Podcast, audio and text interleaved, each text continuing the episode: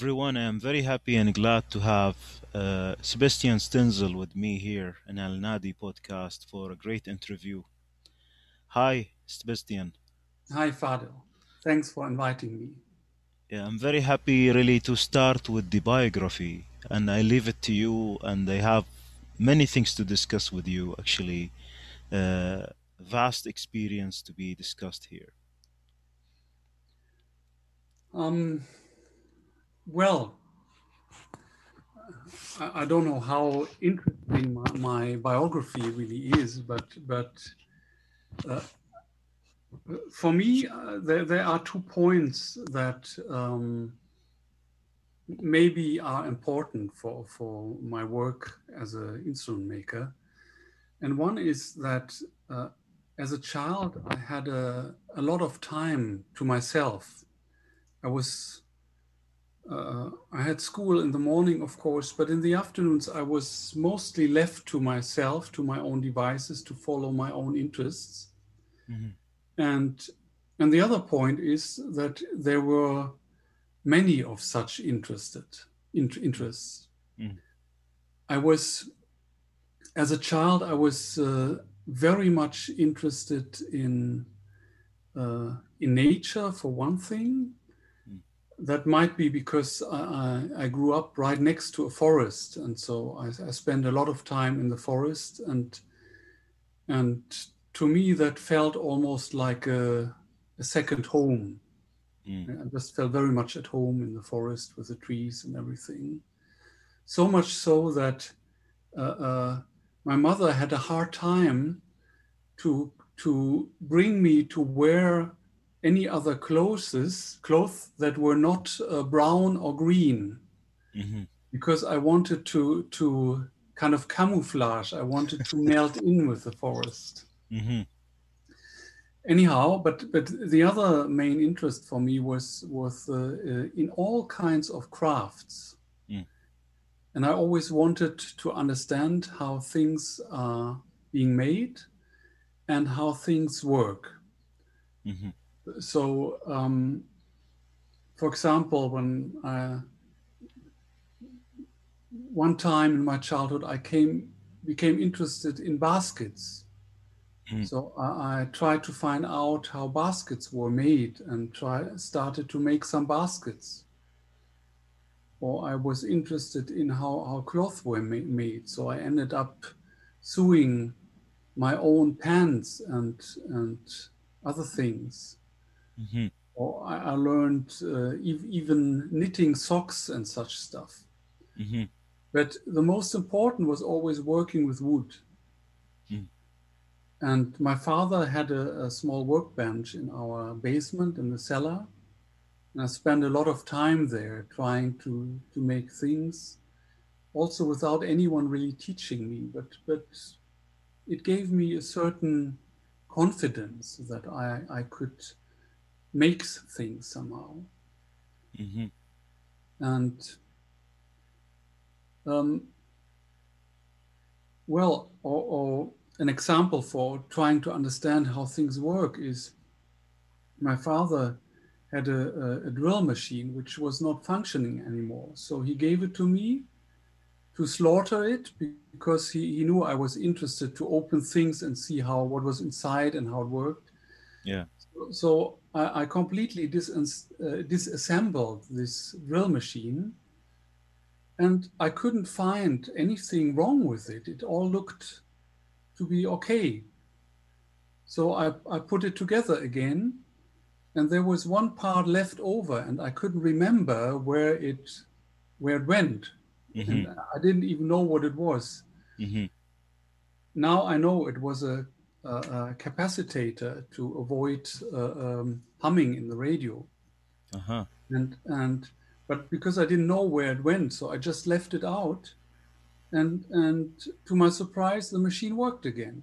Mm-hmm. And I used it for for many many years. with the capacitor aside. Right, and probably with the neighbors being annoyed that uh, whenever I used it, they had humming in their radio.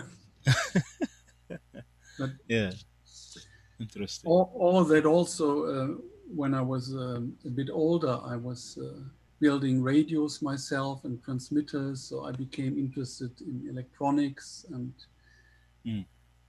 and which later helped me a lot with acoustics because it's basically the same things. Mhm. And and well, then I got also interested in in the arts. I was painting. I was doing photography as a teenager. Mhm. And when I was about to finish school, I had no idea really what I wanted to do. In fact, to make a decision about a profession felt like uh, an in, inevitable loss Mm. because it felt to me like choosing one would means to let go of all my other interests. Mhm. And my idea after finishing school was uh, to study physics. Mhm. That had been my main subject in the last two years of school. And I was quite good at it. And so Mm. it felt like natural to just go on and study physics. Yeah. But uh, I actually went to the university and sat in some lectures, and it didn't appeal to me at all. Mm. And and I just didn't feel like it's the right thing to do, so I didn't. Mhm. And in, instead, I um, I have to admit, mainly for lack of uh, um, a better idea, I started to to study uh, Chinese medicine in, in traditional Chinese medicine in California, Mhm. and but but um, I didn't want to stay there and came back to Germany uh, only after half a year Mhm. with the idea to to um, continue with that somehow in Europe. Mhm. But but then um, fate took over, or whatever it was, and and I was steered back into instrument making, Mm. which I had um, dabbled in, you could say, already as a teenager.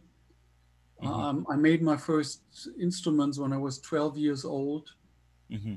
and and I think when I was 13, I, I even made a small guitar without having any idea what I was doing or what it was about. I just tried to to do it, Mhm. and and uh, and uh, m- I was taking guitar lessons, classical guitar, and my guitar teacher actually, when he saw this first guitar I made with uh, at the age of 13, Mm. he recommended that I should enroll in in a school for Mm. instrument making after uh, having finished my, my school and and uh, but but I never took that seriously Mhm. until when I came back from from California I I uh, ran into a guitar maker Mhm.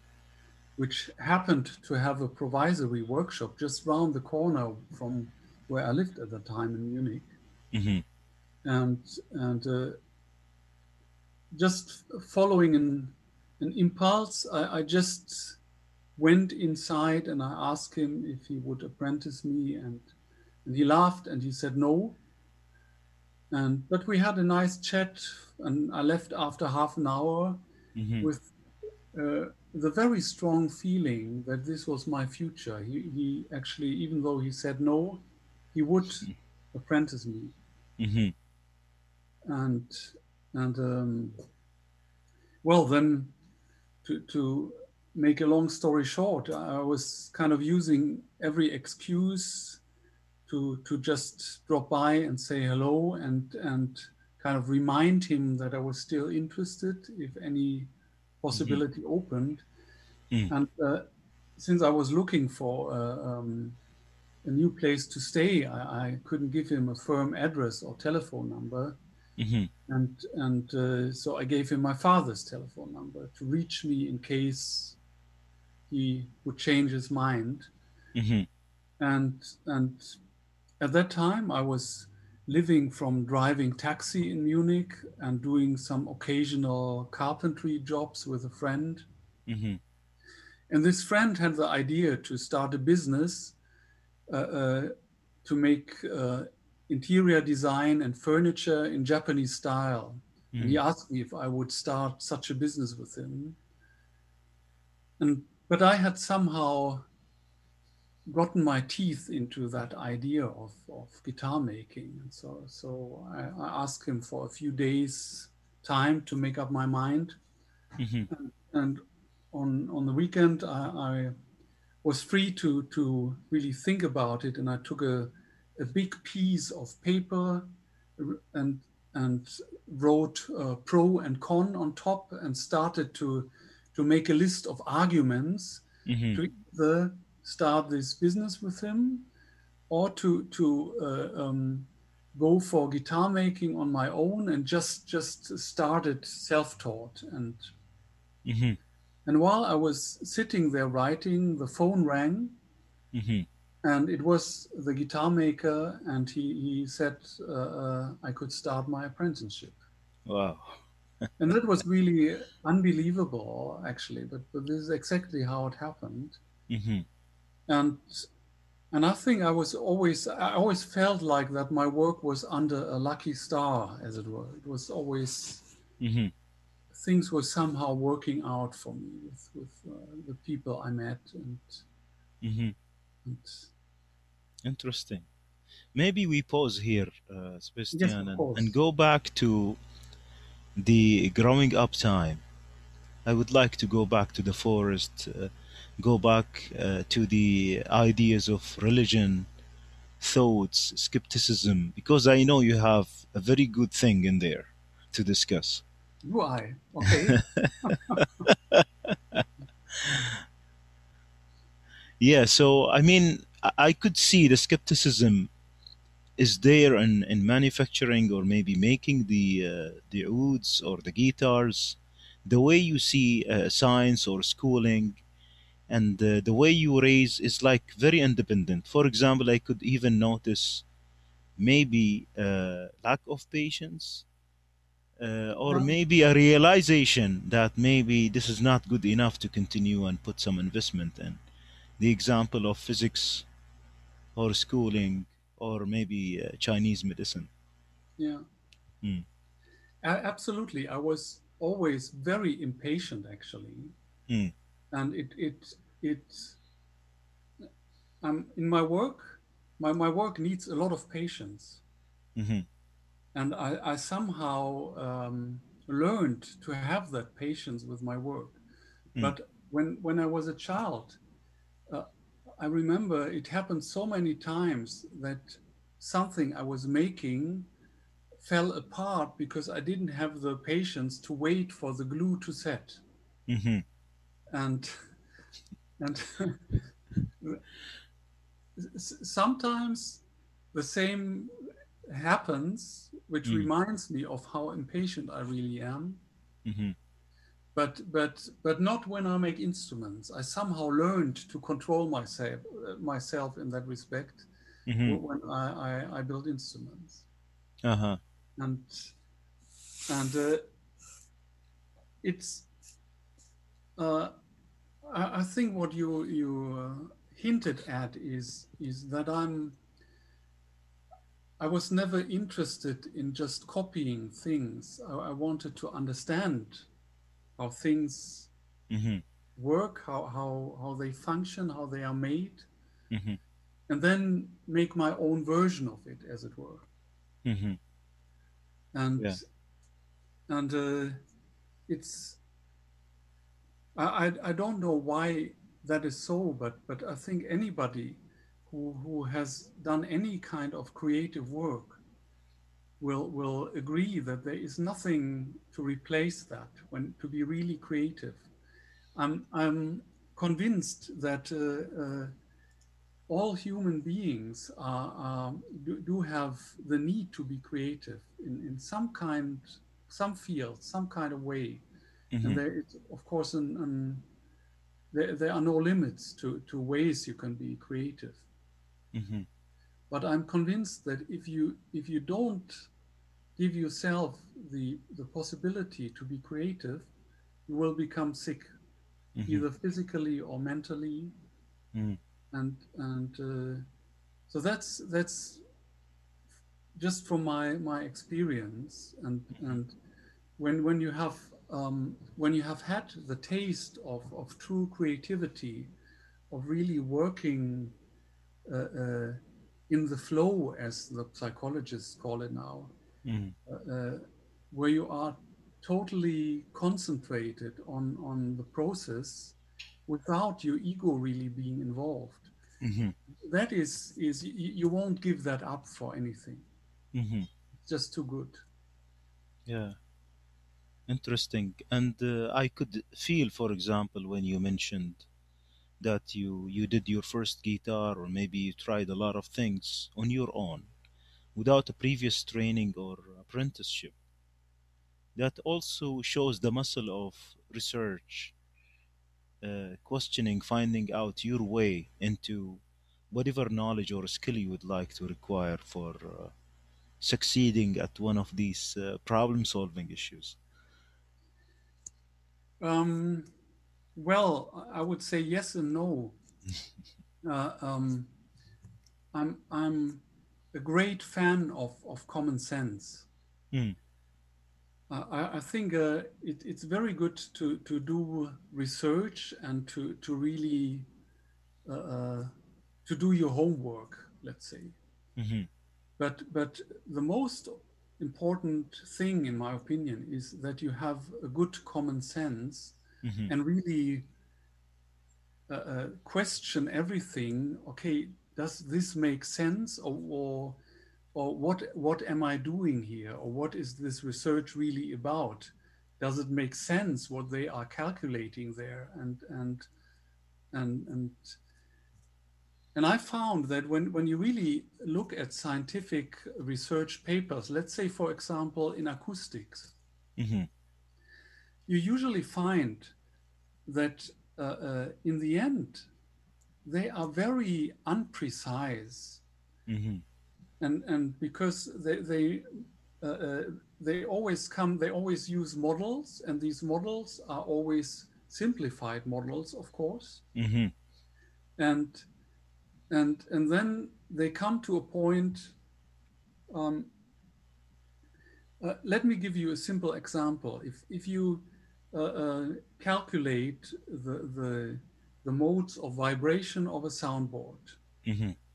it's it's um, it's it's quite a, a, simple equation similar to the one used to calculate string frequencies Mhm. and and and uh, um, but in this equation there is a factor Mm.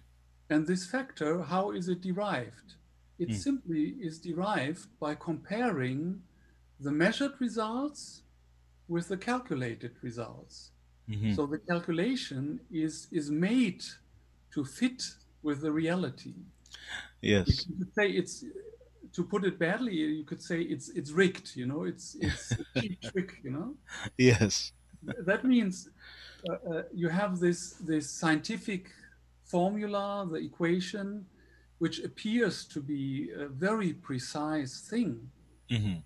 but in reality it's it's only reflecting a, a, a thought process showing the the interrelation of the different paramet- parameters involved Yeah. and, and and that is what what what is the valuable thing about it Mm.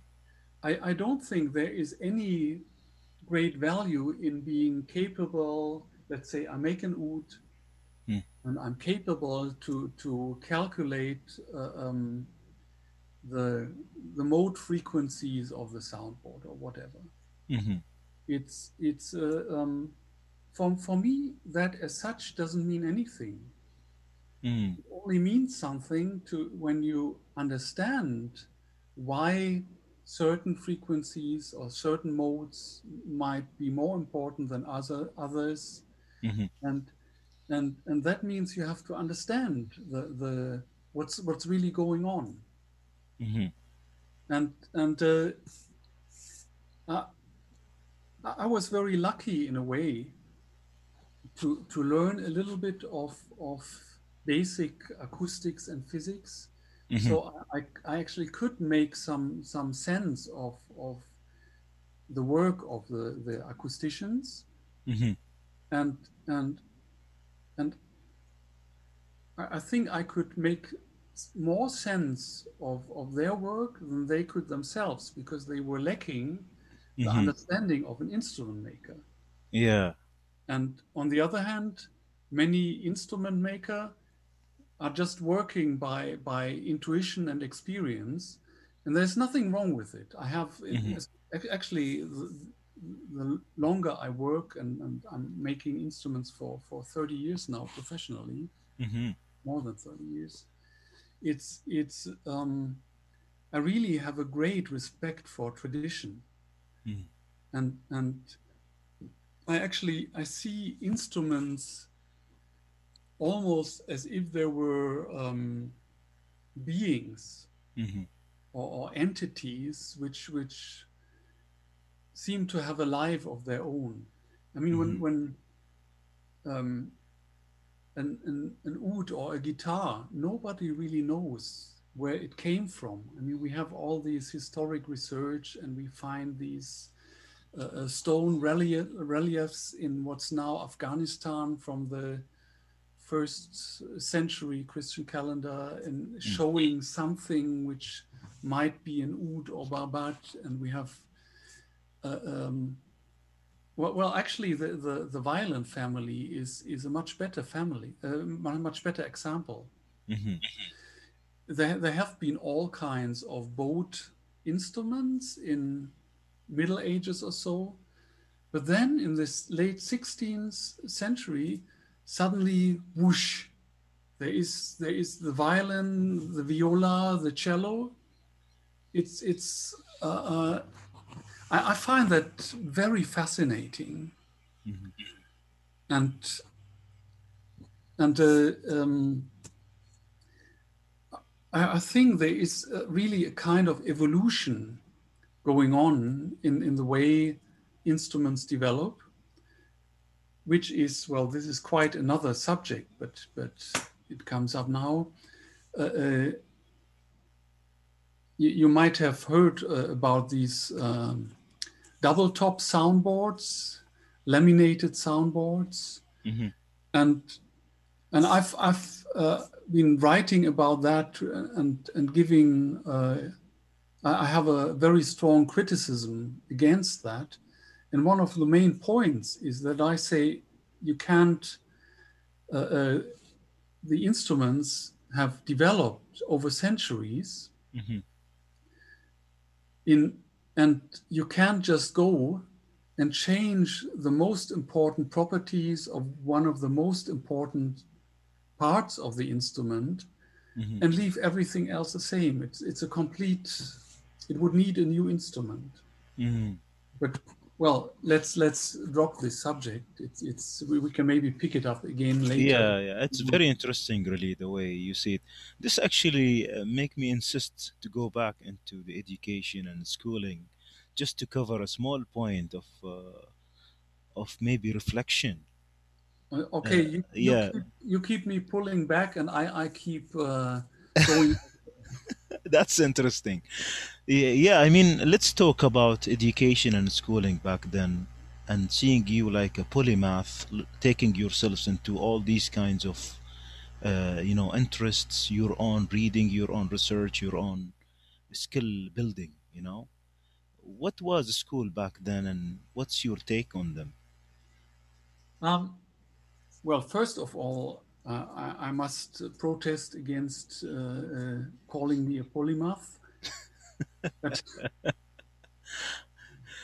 I, I, ho- I hope to, to, to claim that I have a bit of common sense. That's enough. hmm hmm And uh, anyhow, school back then, how was it? I Mm. think it, it, it was as it uh, was in, in, in most countries around the world. Mm. If you were lucky, you had a good teacher. hmm And if you were unlucky, you hadn't. hmm I was, um, I think I was also, I, I was lucky. I, I did have some really good teachers, Mm. but I was also lucky by being um, interested in in in many things and and which which didn't make me uh, I, I, didn't perceive school as a torture that I had to uh, uh learn things I wasn't interested in. Mm-hmm. Sometimes I was really very impatient, mm. especially for example with physics. I was always ahead in the book and I was impatient waiting for the subject to be covered. Mm-hmm. And and uh, well, in in other uh, subjects, I was very lazy and I didn't like it, of course. And, and mm-hmm. I, I wouldn't say it was anything special.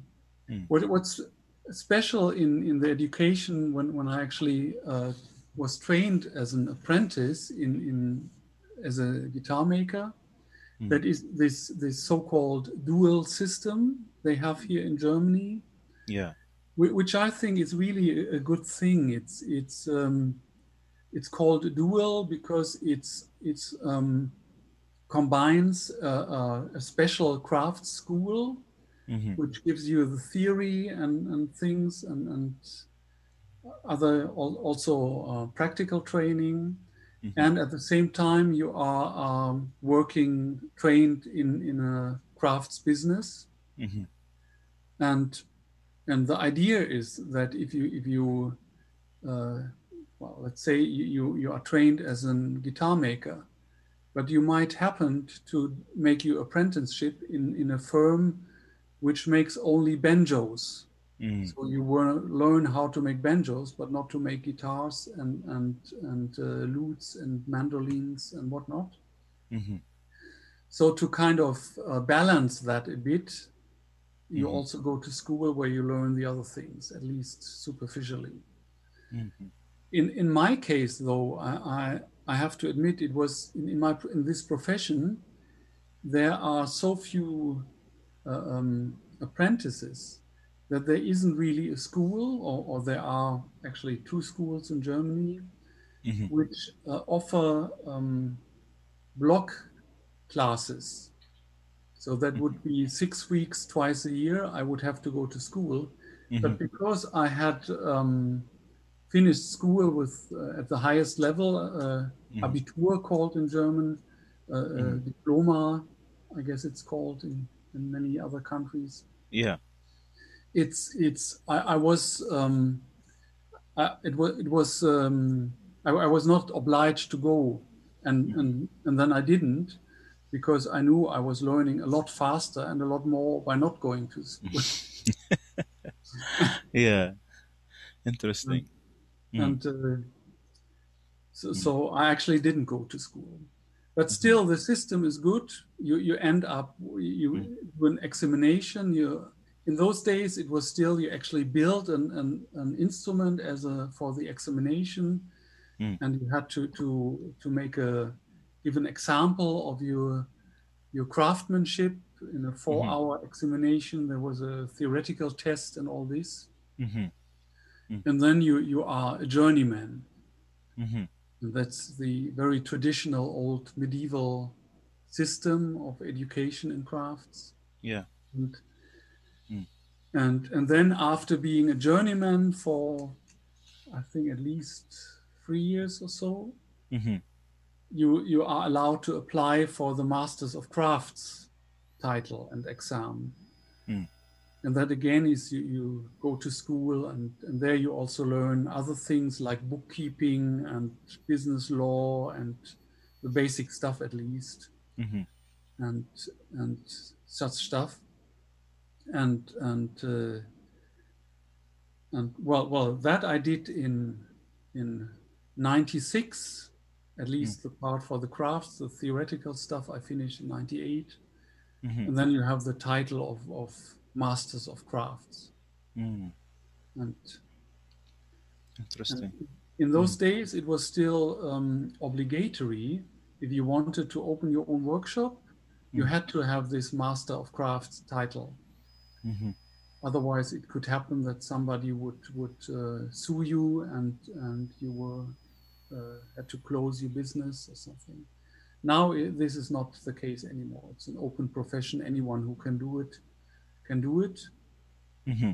And, and, people learn from YouTube now. yes. but I, I, I'm I'm glad I, I I learned the the traditional style. Interesting. Uh, just hitting into what kind of training, Sebastian, have have you received? If we go on the timeline, what kind of training did you receive? And if you would like to mention important chron- chronicles. You, you mean including everything? No, things that are important for our discussion here. For, for, the, in, in, Yeah. for, for the instrument making. Actually, Yeah. that was once once I started with that. Uh, um, I think I was uh, 23 years old when I started my apprenticeship. Yes, Mm. and uh, uh, ever since it was really I was just going straight. hmm It just went on. It's it's um, so I did this this Master of Crafts exam and, and I, I had opened my own shop in in '96 hmm and and uh, and well I it just kept going. I just kept going and Mm. and well what, an important thing of course is that I wanted to uh, build ouds from the very beginning Yeah. and uh, Actually, that's my question. Why the interest in oud making? yeah that's uh, uh, was another accident that uh, when I right after I had started my apprenticeship, uh, I think a few months after that, Hmm. um, my, my boss uh, uh, took me to to a conference about lutes. Mhm. The apprenticeship I did in Munich, and this conference was in Saarbrücken near the French border in the west. So we traveled there and for for two days, I believe.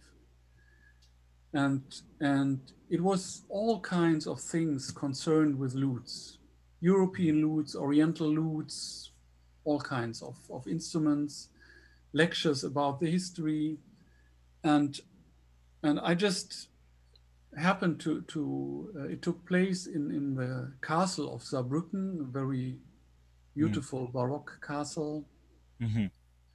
and and I happened to walk uh, through one of these aisles, and and I, I heard suddenly I heard some beautiful music uh, through a door which was just a bit ajar, Mhm.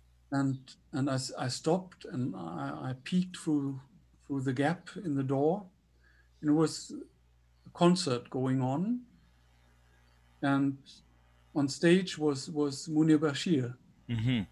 I didn't know who he was then. I had no idea. And I didn't even know what instruments he played. Mhm. But I was uh, like struck from lightning. It was just, I, I was just standing there and listened through the gap of the door till he, he had finished the concert. Mhm.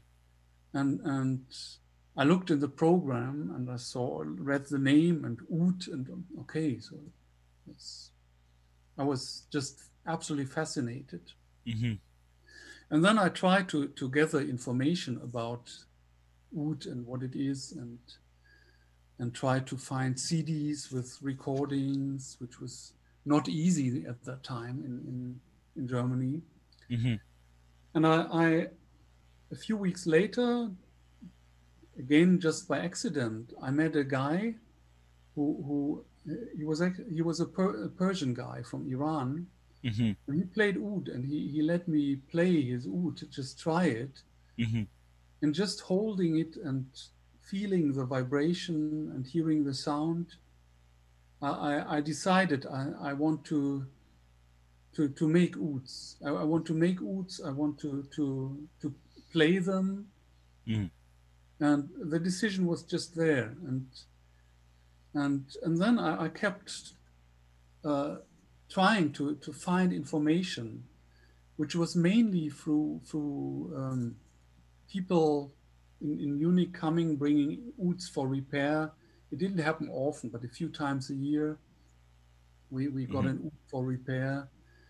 And whenever it seemed to be a decent instrument, I, I scrutinized it and looked how it was made and, and Mhm. Those were mainly uh, uh, Turkish ouds, or once in a while a cheap, cheap uh, Egyptian one, hmm and and uh, one one day uh, um, uh, I repaired an oud which was uh, from from uh, um, uh, what's his name um, Faruk Turunz from Turkey, Uh-huh. Yeah. and and that was quite good, the best I had seen until then, and I actually made precise drawings and and measurements and and and uh, start and then started. I had no idea about the interior, but Mhm. I, I I knew a bit about European lute making. Mm. So my my first draft for an oud I wanted to make was was using the measurements from that Turunz oud uh, combined with with an insight of of a, a European lute hmm but I, I- I didn't uh, find the time to, to build it. But I actually already made the first parts for the peg box and, and things, um, which I later made a point to actually use in my very first oud, Mhm. which I built about, eight, I think it was 18 years later. Wow. now we come to took- patience again. See Yeah, the patience it took a long time. Um, yeah. And uh, well, uh, an, another story is when um, when I, I actually came to to finally make my first oud. That was in I think it was in 2008 probably. hmm I had moved to the area of Freiburg, and and um, um, a man came to visit my workshop to try guitars, and he lived in the same village, and hmm and he he uh, I had only one guitar to show him, a flamenco guitar I had made for myself, and he played it, it and he liked it very much, and and then he, he said. Uh, I would love to buy this guitar, but I'm I'm saving money to to buy a good oud, and it's really a pity you don't make ouds. hmm And then I I smiled and I told him, well, this is actually what I'm planning to do for a long time now. hmm And we we well we started talking, and I ended up to to offer him that listen, you know, you want an oud, I want to make ouds.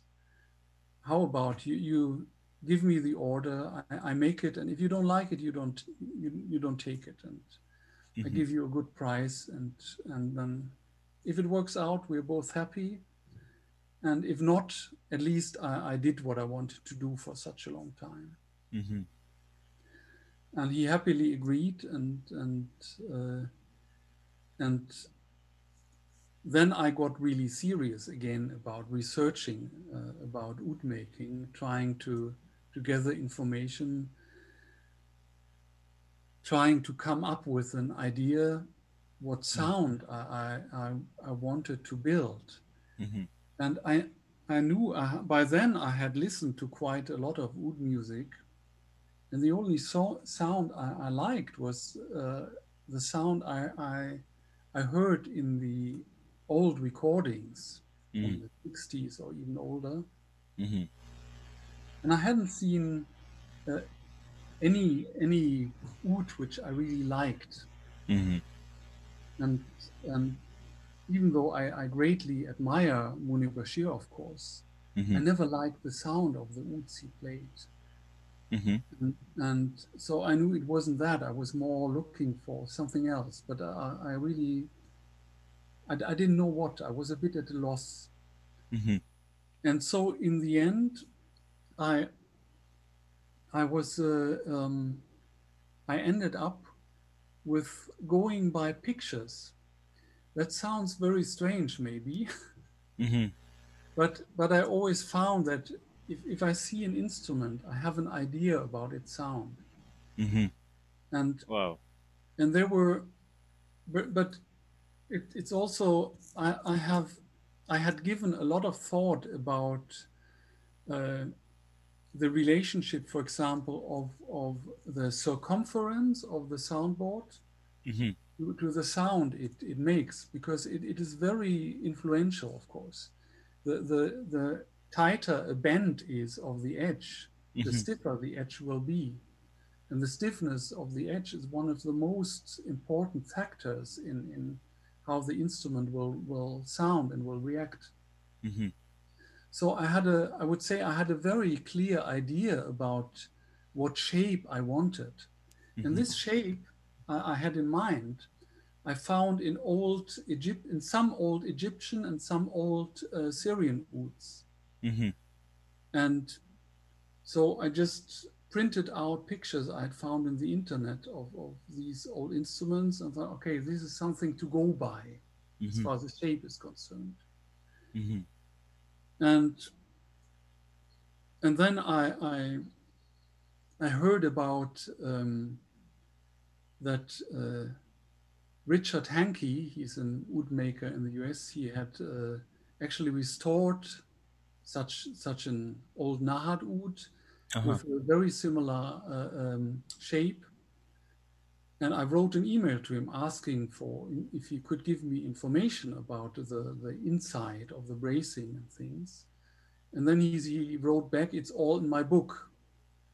hmm And and so so I, I didn't know about this book, but then I said, "Oh, great!" Then I immediately ordered his book and and and. Um, but when when I received the book, I, I, I didn't find it helpful, and I was a bit um, uh, disappointed about uh, its um, the value I found in it, hmm and and um, but then something strange happened because uh, um, then then uh, in in I wa- I was a point uh, disappointed not to find what I was looking for in the book. But the same night, I had a dream, and in this dream, I went. Uh, uh, I was walking along a beach, and, and on this beach there was a a, um, a little house. It was like just a, a white with white walls, little square house, and I went inside, and inside it was like a museum, with exhibits, and and there was one wall with a hole in it, and I looked through this hole, and behind that wall, looking through the hole, I saw the soundboard of an old Nahat oud. I just knew it that it was this. And, and I was in, in the dream, I was getting very excited that this is unbelievable, you know. I'm in this dream and I'm seeing what I've been so desperately looking for Mm. and and so I, I, I told myself, okay, look really close and remember, and and I tried to guess the measurements, Mm. and so I, I woke up in the morning and quickly made a sketch, and and uh, you, you won't believe it. It it was when I. Uh, um, um, ye- years later, when, when I worked with, with Albert Mansour in Beirut, hmm he had an an, an old uh, Nahat oud in, in his workshop in his possession, hmm and and um, uh, uh, and he had given it a new soundboard, hmm which probably was an improvement, to be honest. hmm But but when I saw it, I was got, got very excited, and I said, "Do you still have the original soundboard?" And and he said, "Yeah, of course. It's somewhere there in that cupboard." And uh, I looked for it and found it, and it really looked exactly as it, uh, the one I had seen in my dream. hmm Well, truth be told, uh, uh, uh, there isn't that much difference really in in ouds from that period. They are pretty pretty much made the same way, but the the differences are in the details, of course, and and and and it's all about details in instruments making. It's, it's Mhm. small things can have a big influence, of course. Interesting. Yeah, that was quite quite fascinating. hmm Yeah, Well, maybe. I, I- managed to to Mm. um, uh, go somewhere else again. hmm Which was? Well, to, to coming to to working with Albert Mansour and making, I mean, starting from the subject of education. Yeah, yeah, yeah, exactly. I mean, we will, we will, uh, you know, stop by the encounter of Albert Mansour. Uh, but let's have a break now and listen to some of your ouds, and then come back to this fascinating storytelling, really, and the experience we are sharing here. Okay. What would you choose for us to listen? Um, um, well, well, actually, actually, I would like to to start with um, the recording. Uh, uh, Mustafa Said has has uh, uh, given me from uh, where he plays the oud I made for him on his balcony in in Cairo, hmm and and that oud I made. Uh, uh, was it? Yeah la- last year in, in in spring but then it took some time that we could meet and i could give it to him. Hmm and it's an oud uh, I, I made uh, with a bowl from Padauk, a wood from africa which he, he likes a lot and which is certainly very suitable also to make uh, oud bowls from. Hmm and through soundboard and yeah Yeah, let's listen then to it.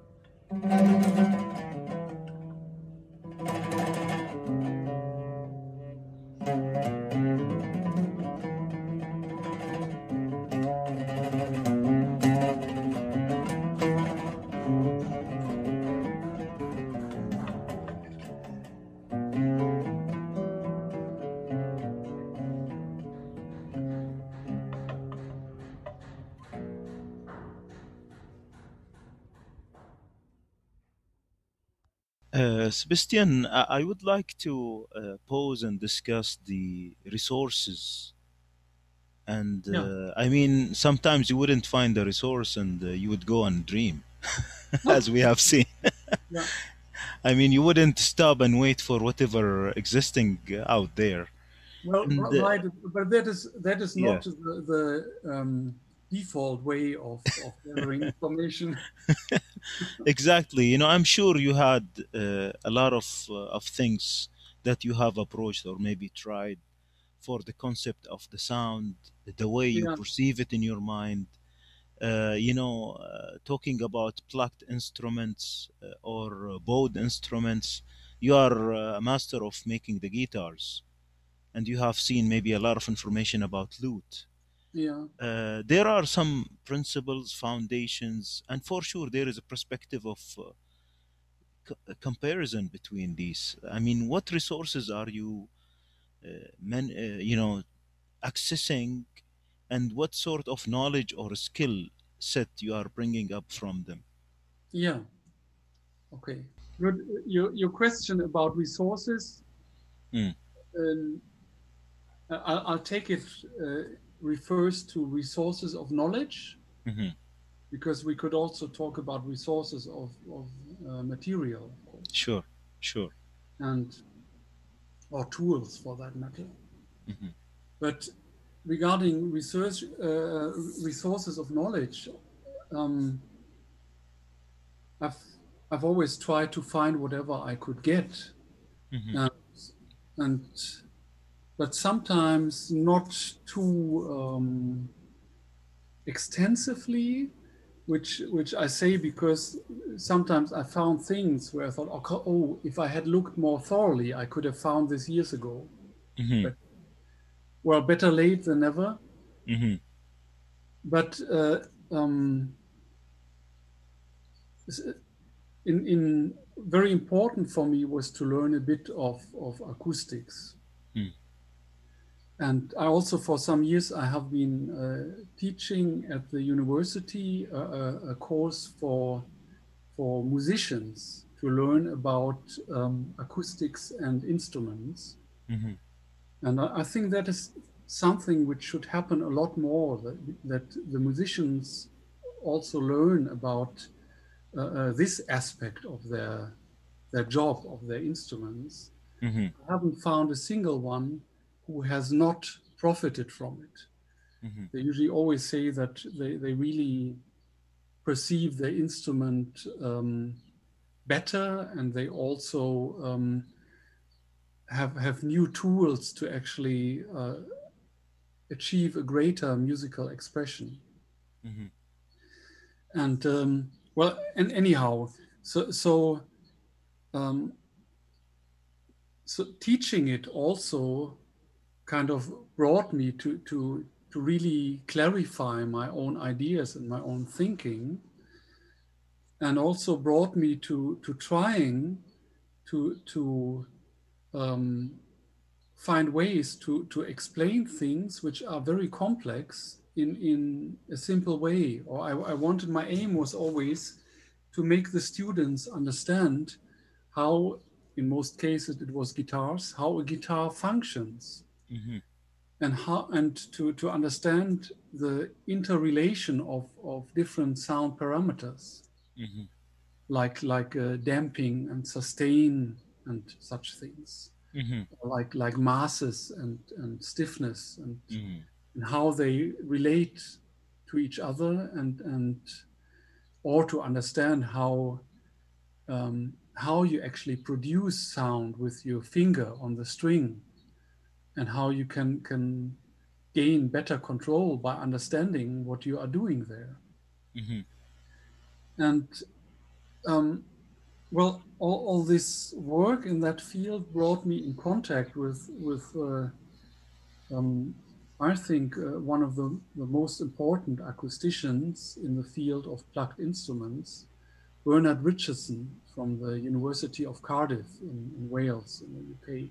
mhm, He is now retired, I believe, but he has, with his uh, research group, he has done fantastic work about uh, plucked instruments, and and um, and uh, well, I, I profited a lot from that, and and uh, reading his papers and, and actually also talking to him, hmm and uh, um, th- that is something I would recommend to to uh, all my colleagues to to follow up on.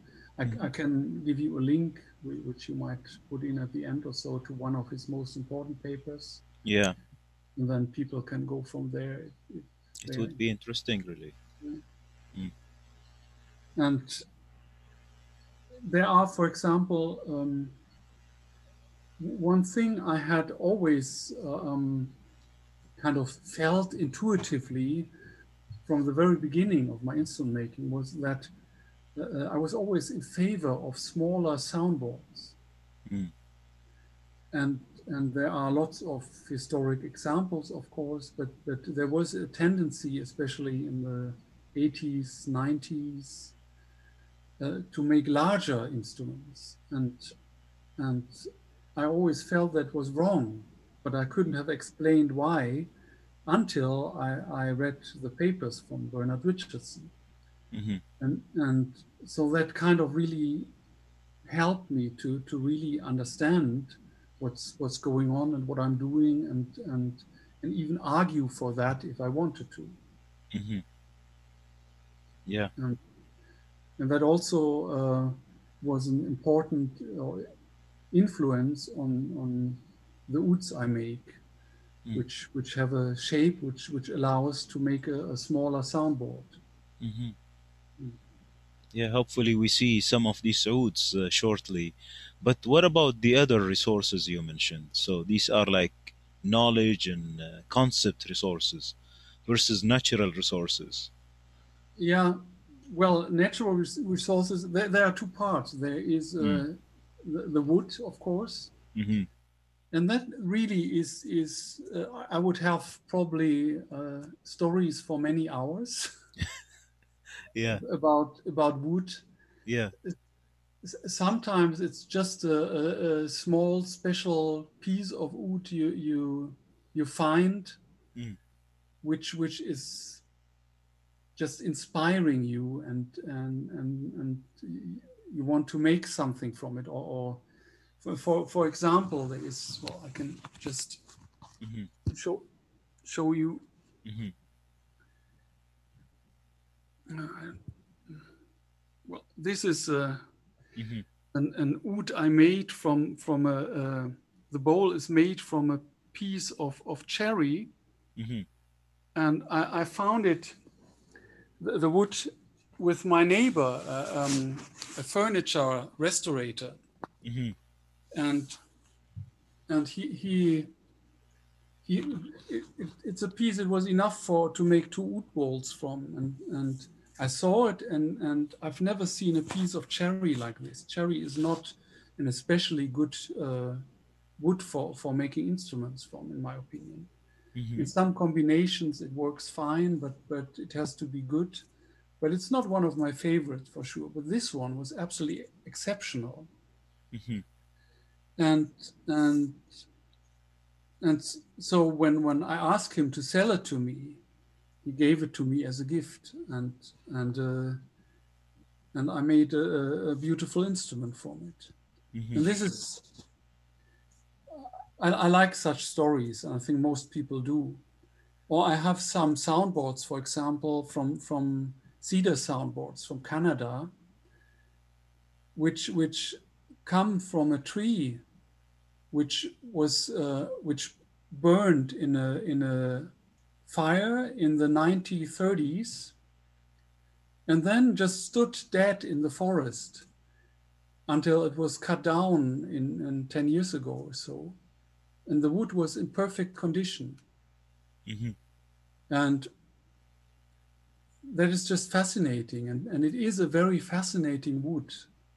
hmm And, and actually, this, this story from this tree in, inspired uh, um, uh, rather famous uh, American um, poet to write a, um, a poem about it. hmm And so, so that's such are nice stories. Yeah. Or, or I have um, in in four years ago, I I, I went to to to cut down an, a huge spruce tree in, in in the Alps, hmm which I hope is the last uh, tree I, I really cut myself because it is uh, just um, a ridiculous amount of work. it would be much much cheaper to go to the wood merchant and just buy the best soundboards I can get. Yeah. But it's an experience I wouldn't like to miss, hmm and the the the sound of these soundboards I, I, I get from this this tree. I started to work with it now. It's uh, is extraordinary. It's just such quality, and sometimes I wonder if it's really the wood itself, the tree, which is so good, or if it's my relationship to it, which is also influencing the, the sound I get from it. Yeah. And and uh, Interesting. yeah, that, that is. I, I mean, this is also uh, to to to mention this uh, at this point. People often ask if if how is it? Is there any personal influence in the instrument, or, or what is the difference between an instrument I make or one of my colleagues makes and a factory instrument? hmm and and I think there's there's a huge difference because in in uh, when I make a, an, an instrument, it's you could say it's the sum of thousands of subjective decisions I make. hmm You know, every s- single step of the work, every little chip of wood I, I, I decide to take off or to leave, it is a subjective personal decision I make. So in the end, the instrument is a sum of all this subjectivity, as it were. That does not mean, unfortunately, that it's the result is is is necessarily good, because that depends on on uh, other things. Most of all, if if the instrument is if you have a clear concept of what you want to do. If you if you don't have a clear understanding and a clear concept of what you are making, then the result can be very arbitrary, can be can go one way or the other, whatever aspect of of uh, your work is is getting the upper hand, as it were. It's but if you have um, a clear concept where everything you do goes in the same direction, then you will achieve a very good consistency. That's, in, in my opinion, the, the most important thing about consistency. There is, I, I hear colleagues of mine talking about, okay, you have to be very precise in your measurements and blah, blah.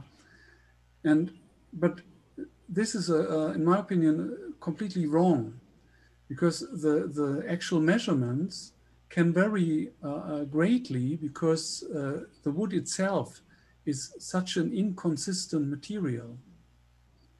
You, Yeah. you it, even, even when I cut soundboards from the very same tree, there's not one which is the same. And and in the end, it's it's my idea of what the soundboard should do and and to have the sensitivity when I work it to feel if it has reached the the right uh, degree of pliability of of um, and but still enough strength and and and uh, in in relation to my concept of how how it should work that defines the result in the end Wow. This is very complicated, really, the way it is, because the question comes to how can this such knowledge be written down or maybe recorded? It's a very personal thing, right?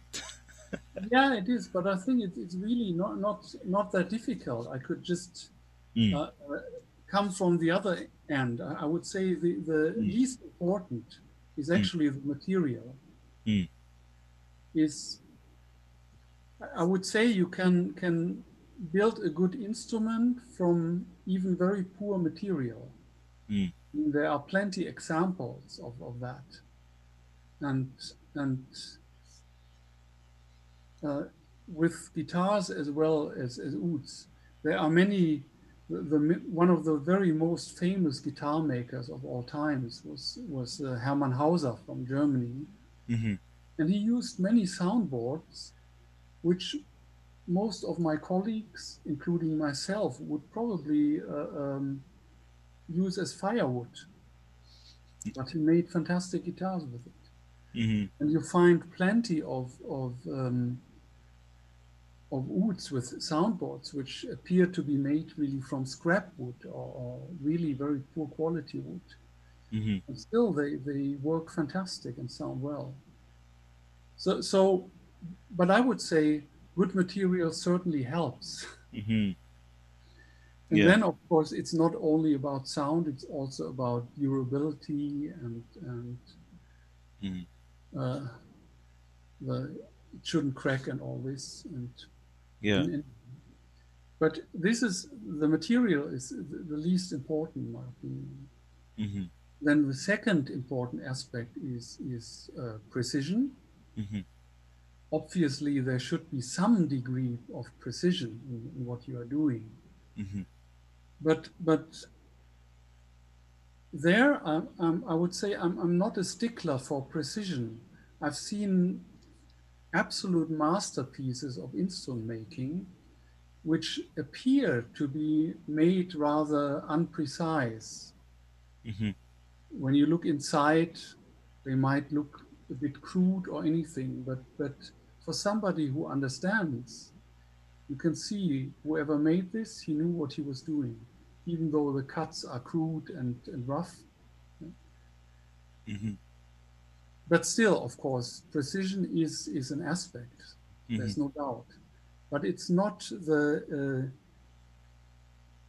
uh, I- i might have a soundboard which uh, uh, is is two tenths of a millimeter thinner than another one even though i want to achieve the same sound. Mhm, but this specific soundboard requires to be two tenths of a millimeter thinner. And that's uh, uh, in soundboard thicknessing that's a lot.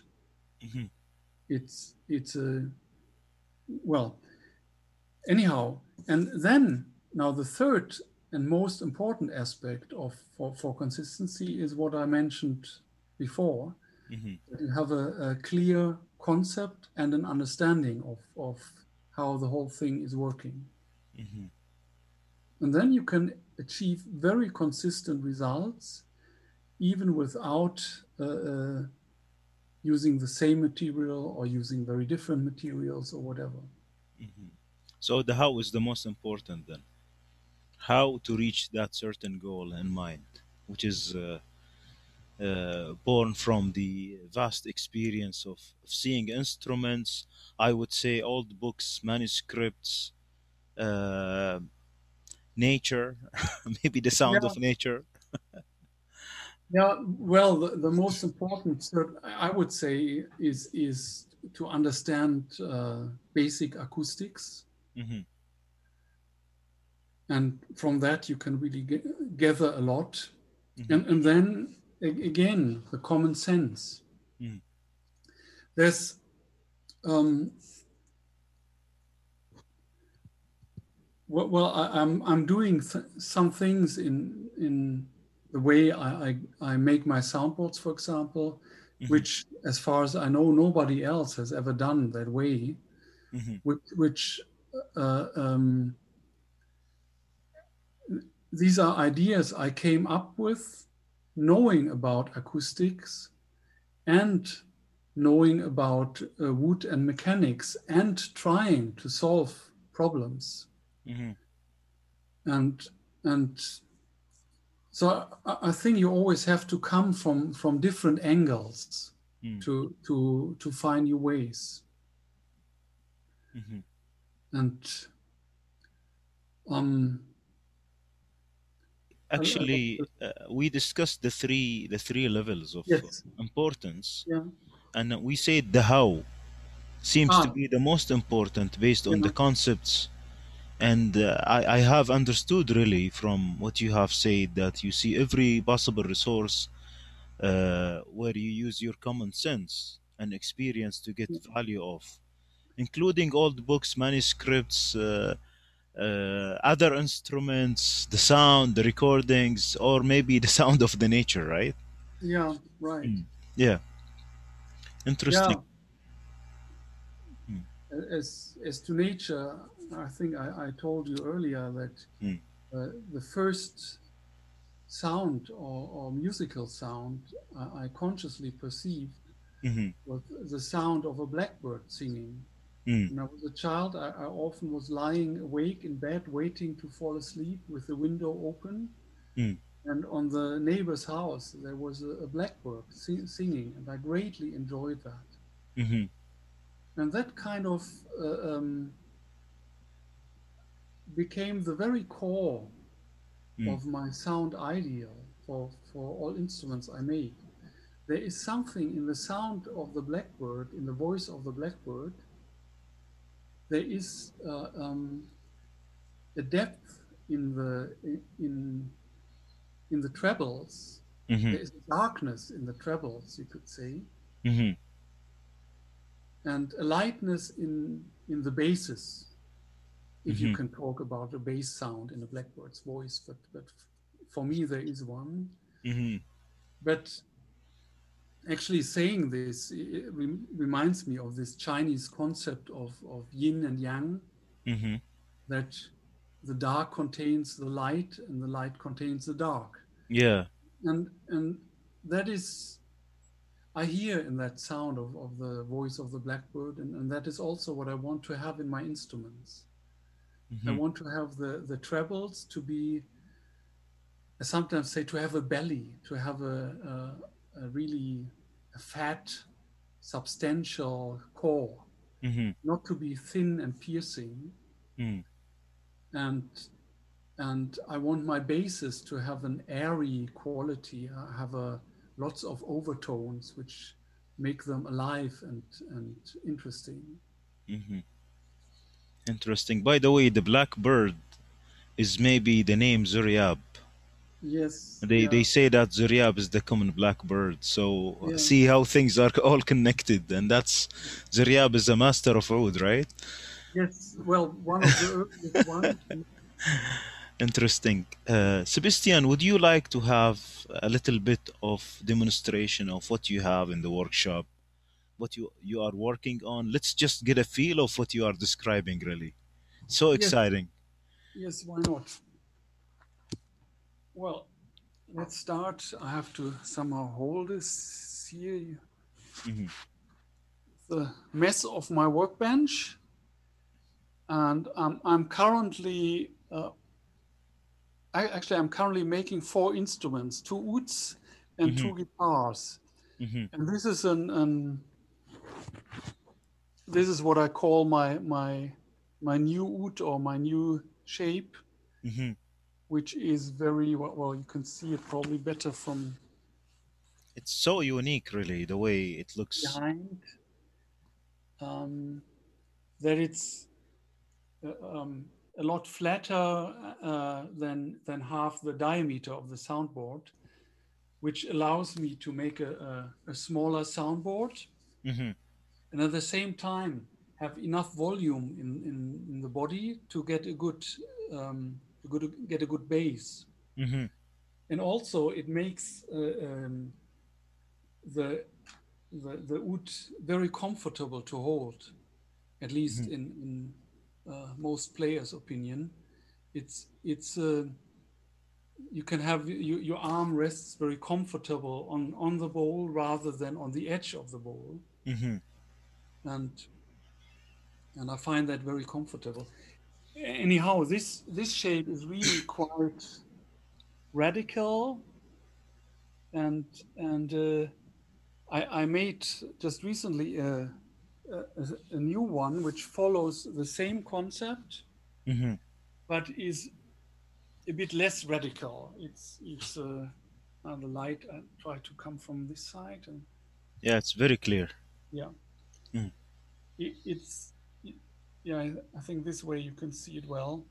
hmm It's also also um, uh, s- still a relatively small soundboard. The soundboard uh, width in this one is is 40, uh, 34 centimeter. hmm Uh, the other one has, is only 32, and and uh, but the volume is is actually quite large with this one, hmm and so it it has uh, gets a very good bass.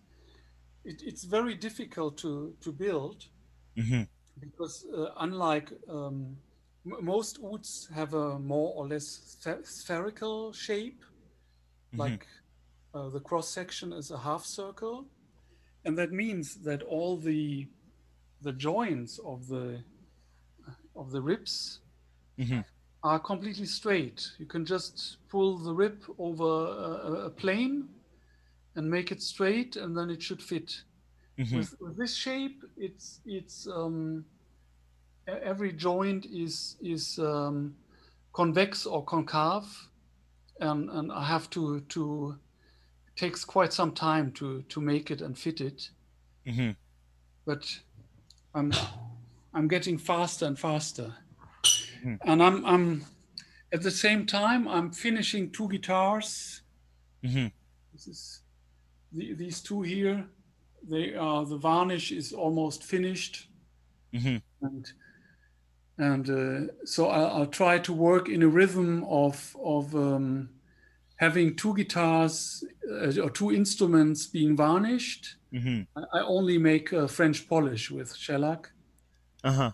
and uh, and while while this is happening, which needs a lot of drying time in between, I, I start making two new two other instruments. And when those are being varnished, I start with the next round, preparing for the next four. But then actually, I start to assemble two and try to get into such kind of rotation, which mm-hmm. in most cases never works out. so, um, well, you can see everywhere there is wood Yes. in the workshop, and and this is only uh, a small part. I have a, a wood shed outside hmm where I have larger pieces, and and then I have. Uh, it's still almost four cubic meters of of this uh, spruce hmm I, I cut four years ago. So there's a lot, and this is um, th- this uh, bandsaw here. Hmm is uh, one of my my most favorite machines. It's it's a very very very good saw, hmm and it's uh, was made the same year I was made in 1966, and and they, they don't make such quality nowadays anymore. hmm and and uh, it the ta- uh, uh, the table can be tilted quickly. Hmm and and that is uh, um, helps a lot with with resawing soundboards or all kinds of things which makes it the perfect saw for for instrument makers. Hmm be, behind, behind that i have a smaller bandsaw too i i, I use for smaller things and, and curves. Hmm And there is a, well, he, here I have an array of smaller machines. Um, well, that reminds me again of resources. Mm. One, one of important resource, of course, is tools and machines. Yeah. And actually, most instrument makers uh, um, make a lot of tools for themselves. For, for example, um, this this uh, buffing machine here hmm is I, I built myself because uh, uh, to to buy one which fulfill the uh, the needs I have, is is uh, uh, very very difficult Mhm. and uh, or very costly. I think to buy one which would be the right thing for me would have cost me like like seven thousand euros minimum or so. Oh.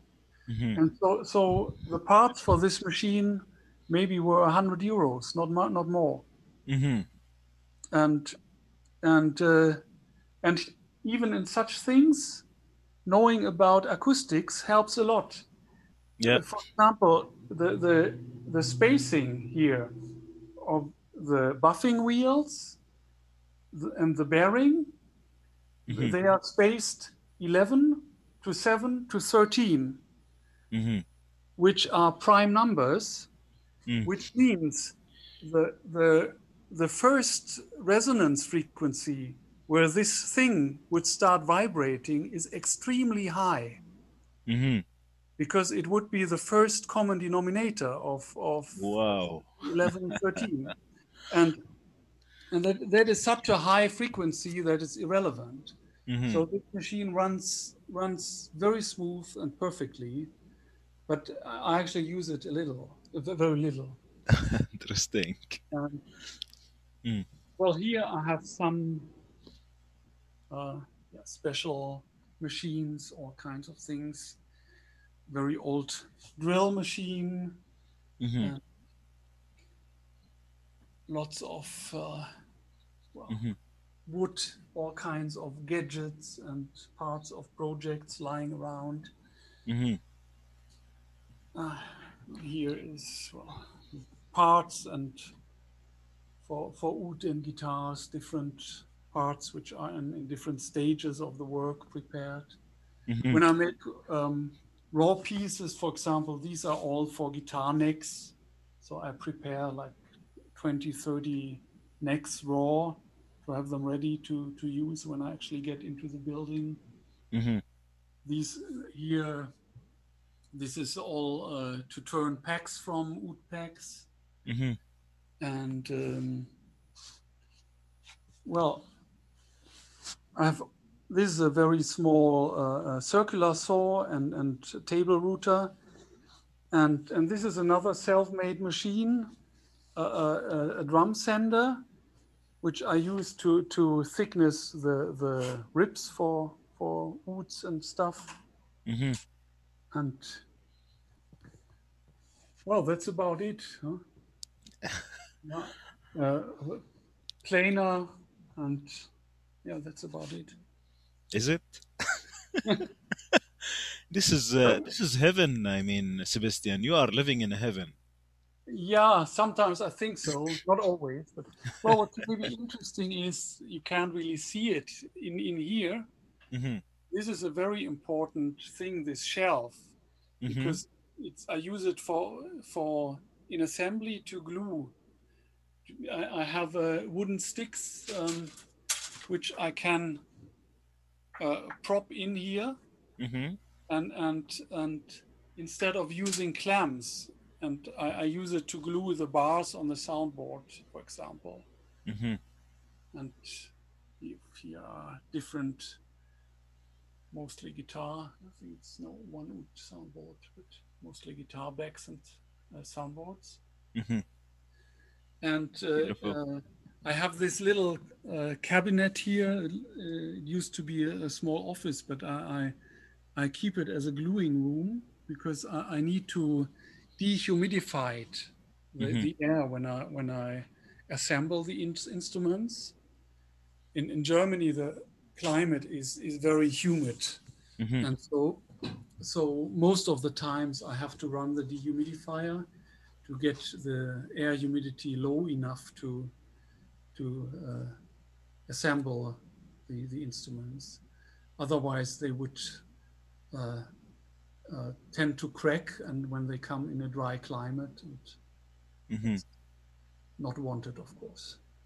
Thank you very much for this great uh, quick tour of Yeah, the place. So great, really. It's it's it's a heaven. So beautiful. And here we have a lot of things happening like every day. I don't know for how many hours. yeah, Yeah, Sebastian, would you like to to have another uh, piece of music played on one of your ouds? Uh, yes, of course, always. Yeah. Um, well, you you can choose a, a piece from Megabuban hmm and what whatever you like. Sure. So anyone of of Nagars playing on your ouds. Yeah, please. Okay. So we will enjoy one then. Okay.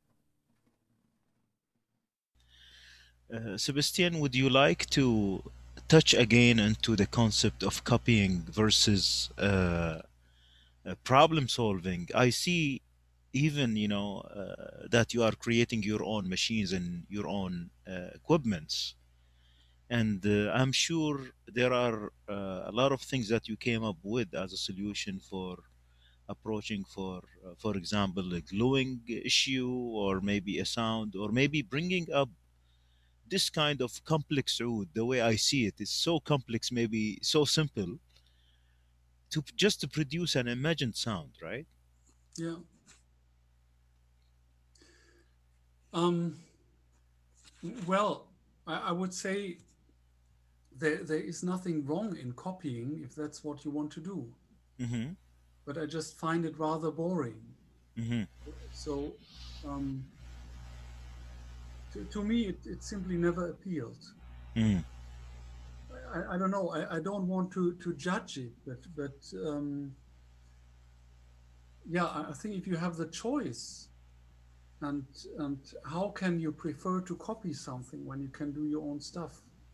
mm-hmm It's it's uh, as I said in the beginning about creativity. I think it's so much more fulfilling to mm be really creative, mm-hmm and and but let me uh, point out that I don't think this this kind of creativity I'm talking about is nothing egoistic. mm-hmm It's not not a. Um, I, I don't feel oh I'm so proud that I did this. mm-hmm I I, I rather feel like oh I'm I'm blessed that this is happening through me. It's not not that that I feel oh I'm I'm such a great guy I'm doing this mm-hmm and and uh, um, if if that is if that would be the case, something else is going on, in my opinion. But uh, uh, true creativity is is is really more like being open for something to happen, mm-hmm and and copying is really boring in, in comparison, isn't it? mm-hmm It's it's uh, I it, it, it simply was never an, an objective for me to to go and copy. Uh, I can't really say why, but but it, it never appealed to me. Wouldn't it be the uh, maybe first stage of learning anything? Um, I, I guess so, and of course I, I did a lot of copying, and also I, I want to to make clear that that we're all not alone. We, we're not. I, I'm not uh, uh, inventing anything alone, but I'm I'm just a, a, a, a tiny link in, in a in a vast chain of, of people who have done things, developed things, and and and I'm I'm certainly not the end of that chain. Mm-hmm. But but if if, I can have the feeling, okay, I have contributed something valuable, that's that's wonderful Mm-hmm. and and uh, if people later find okay this was bullshit that's fine with me too but uh, to have the feeling i did my own thing and i did my best the best i could Mm-hmm. what, what more can you have Yeah. And how would you know that you have known the thing to the heart of it? If you I go can't. deep into research and maybe problem solve things and so on, would it be reachable? uh, I, I don't know i, I don't know I, I can't know how, how could i it's uh, maybe it, it's endless but maybe there is also um, a point where it's uh, um, uh, uh, where, you, where you say it's it's good enough. Mm-hmm. It actually reminds me of of uh, uh, Robert Lundberg. He was an, an U.S. American lute maker, Mm-hmm. and he practically single-handedly revived historic lute making. Mm. Uh, in in the middle of the 20th century, practically all knowledge about European lute making was lost. Mm. And, and the lutes that were being made were had not, not much to do with Mm. the lutes as they were built in the 18th century still. Mhm. And Robert Lundberg, uh, uh, he he traveled through all the museums in Europe. I guess he has seen any all the lutes which still exist and has uh, um, scrutinized them, taken measurement, tried to find out how they were being made, and from this research started to to revive uh, uh, the lute making, almost all lute makers uh, which which work now are his students. Mm. So he, he had an enormous influence on on the lute making. Uh, the the reason why he, he comes to my mind now is, um, by the way, he, he unfortunately died very young. I think at the age of 40, uh, 53 or 54, some 10 years ago or so. But fortunately, uh, he he um, had written a book which was almost finished. Mhm. So, so uh, the book is there for anyone who is interested, and, and I can give the details in the end if, if Mhm. you like. Yeah. And um, one of the things he came up with was the concept of uh, what he called being good enough. Mhm. That's what triggered the memory Mhm. because he's, he he said the from his understanding the the lute makers of the Renaissance times later they worked very differently from how we work today. Mhm. I mean today there are very few people like like me and my colleagues making handmade instruments. It's, it's actually a very uh, exclusive thing, you can say. It's and the instruments are, are very costly, and because the work is time consuming and all this.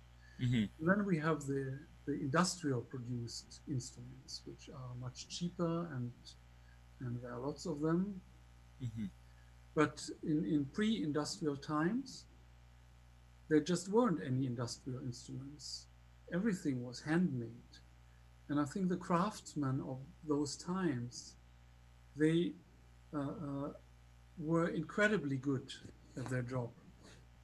They, they were just um, probably most better than even the best ones today in the way they handled their tools and everything. And and and but because they had to cater to to the complete market cheap instruments expensive instrument everything and to to um, to cater to the demand which was there which was not so much less than, than now i mean there were less people living in the world of course but Yeah. there were also lots of musicians and and so they wouldn't waste energy or time and and so so uh, Bob Lundberg came up with this concept of what he called good enough Mm. as a as a motto as it were for working. He said these people they knew exactly what they were doing and they were avoiding anything unnecessary. They just stopped when it was good enough. Mhm. and so good enough for for him for Bob Lundberg was not meaning was not meaning something mediocre or something but it really means a, a different definition of mastery Mhm. than we have today Mm. because and, and that I, I can very much reconfirm from my, my 30 years of experience of making instruments Mhm. one of the most difficult things is to know when to stop Mm. And to say okay that's it that's good enough Mm.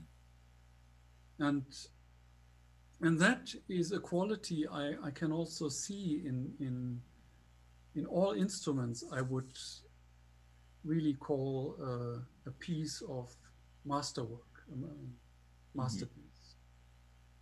Interesting, very interesting. And let's talk about what is considered to be a contribution in the field of luthiers, uh, Sebastian. Um, well, actually, the really good things I don't want to to talk about Mm. uh, um, now because I'm I'm planning to uh, uh, to publish them in a book. Uh, Mm. uh, I'm I'm planning to write in my retirement, which will never come. no, but but seriously, Yeah. I'm, I'm, I'm uh, planning to to to publish it, and and and and I don't want to to shoot my my best bullet in advance, as it were. Yeah, So, so but there are some con- contributions for for sure. yeah. But in general, I mean about luthiers, what would you say? Oh, this is a contribution. This is not. Um, yes, that's of course al- always my, my personal opinion, Mm. but I think there there is um, there are some things which are where I, I say, okay, this is really a good idea. This is really makes a lot of sense, Mhm. and there's also a lot where I would say, okay, this is just bullshit, Mm. or even things where I would say it, it's going in a wrong direction. Um, well, there's a very good example that comes to my mind, but maybe it's a bit too too complex to, to explain it. Mhm. And but well, I can I can try to sketch it very briefly. Please. It's it's about um, in the around 2000 or so those years Christian calendar. Uh, uh, a model of guitar became very popular, which had a raised neck. So the neck was raised above the fingerboard, and and and as a consequence, received an angle to to for the strings to reach the bridge in the right place Mhm. and and there was a big hype about this this model with because it had the advantage of of making the higher frets on the fingerboard the higher positions more easily accessible Mhm. which which is certainly true but i was very much against this this uh, way of building and and i actually wrote a, a paper about that because i think it's it's uh, uh, um, it's again you change a very important aspect of the structure which in this case is the neck angle and in the history of guitar making, there is the, the most simple way of building is that you have a straight straight edge on the soundboard. Uh, the sides of the guitar are on the same height, and so the edge of the soundboard is just in one level. Mhm. And then you just glue the fingerboard in the same plane on top. So everything is very straight and neat and very simple Mhm. and then you come up with with a, a, um, height of of bridge which makes sense so, so everything works fine then in in uh, uh, that is what is mainly called the the school of granada Mhm. in guitar making and then a later development happened in the school of madrid which is much more sophisticated because they gave an angle to the soundboard Mhm. soundboard in the upper part is kind of bending back a little bit, Mm. which requires also the neck to make an angle slightly backwards, maybe only two degrees or one and a half degrees backwards. Uh-huh. And this is making everything a lot more complicated because you have to give an angle to the fingerboard as well and to the sides.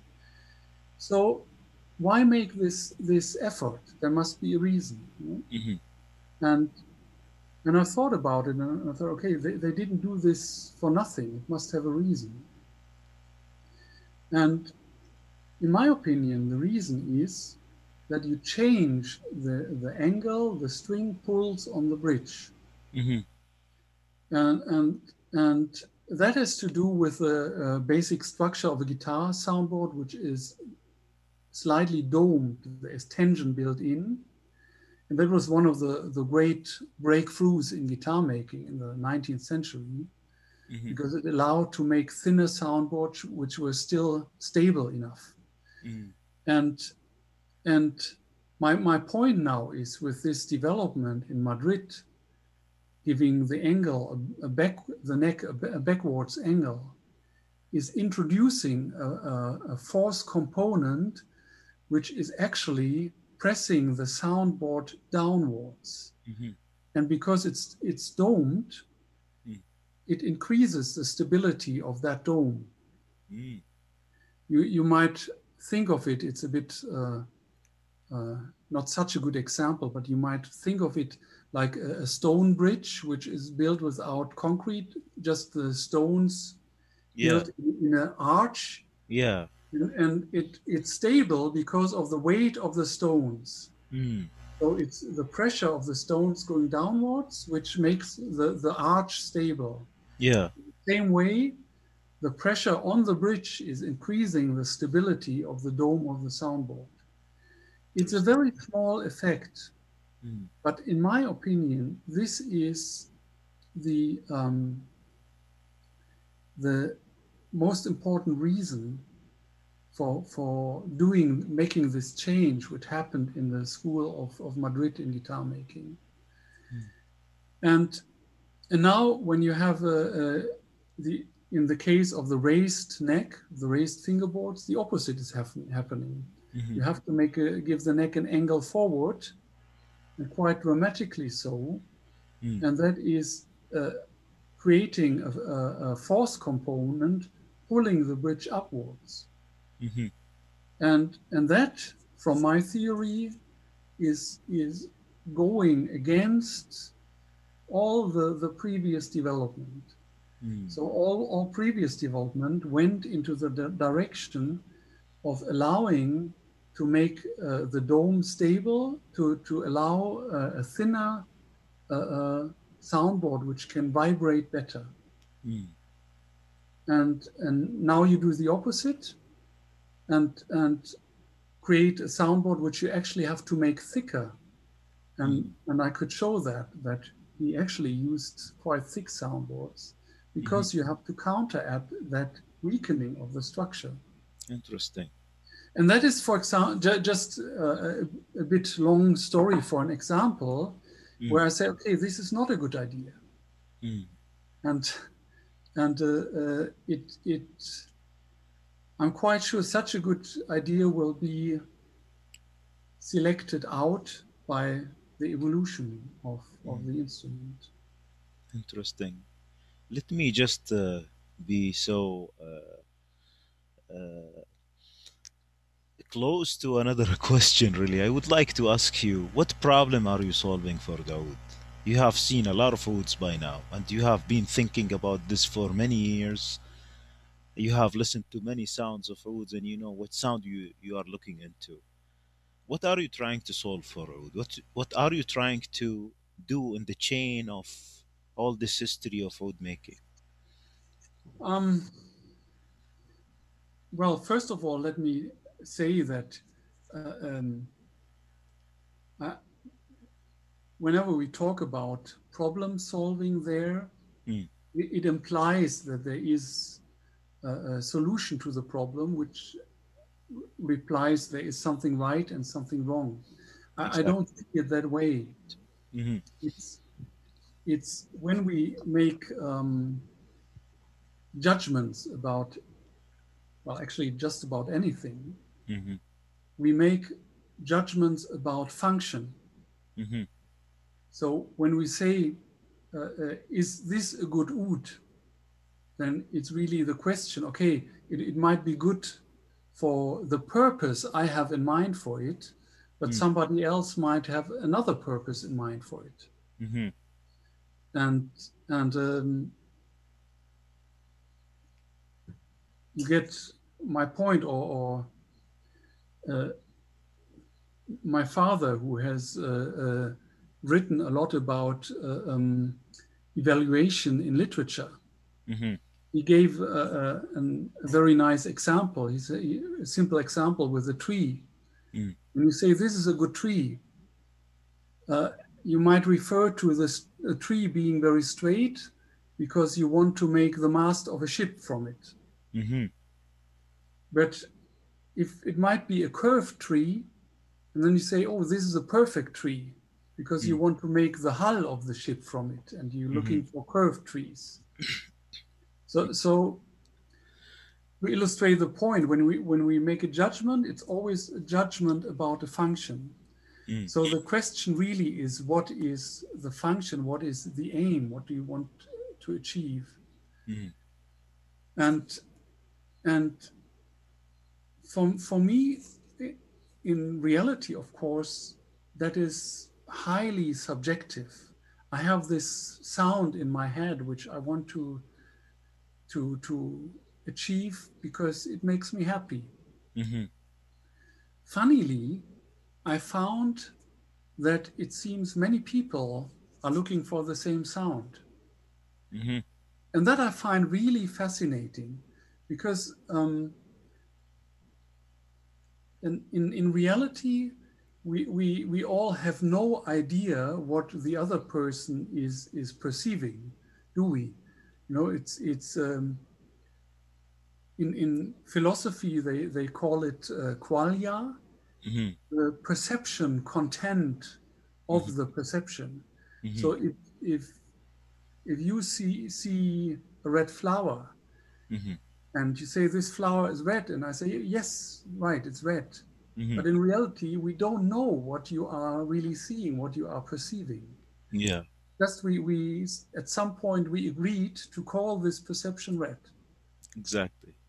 the same of course is happening about sound and but but uh, when when i was uh, teaching the students at the university the first thing i always did was trying to to develop a terminology about sound Mhm. and that was always very interesting because when when in the beginning they usually had great difficulties to describe uh, their sound perception Mhm. Sorry.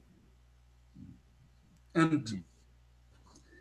and then by developing uh, terminology finding words how to describe certain aspects of the sound they suddenly the, the, the usually comment was oh suddenly i hear a lot more hmm which of course isn't true but they by by having names for their perceptions it, it reached their consciousness or another level of consciousness to be more precise.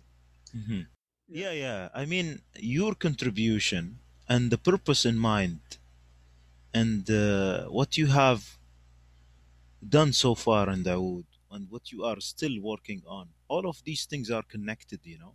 yes it's it's And- all connected yeah, Yeah. what I what um, uh, what I want to to th- th- there are several aspects. hmm It's um, on on one side you could say when all instruments I make hmm and I, I made more than 250 so far.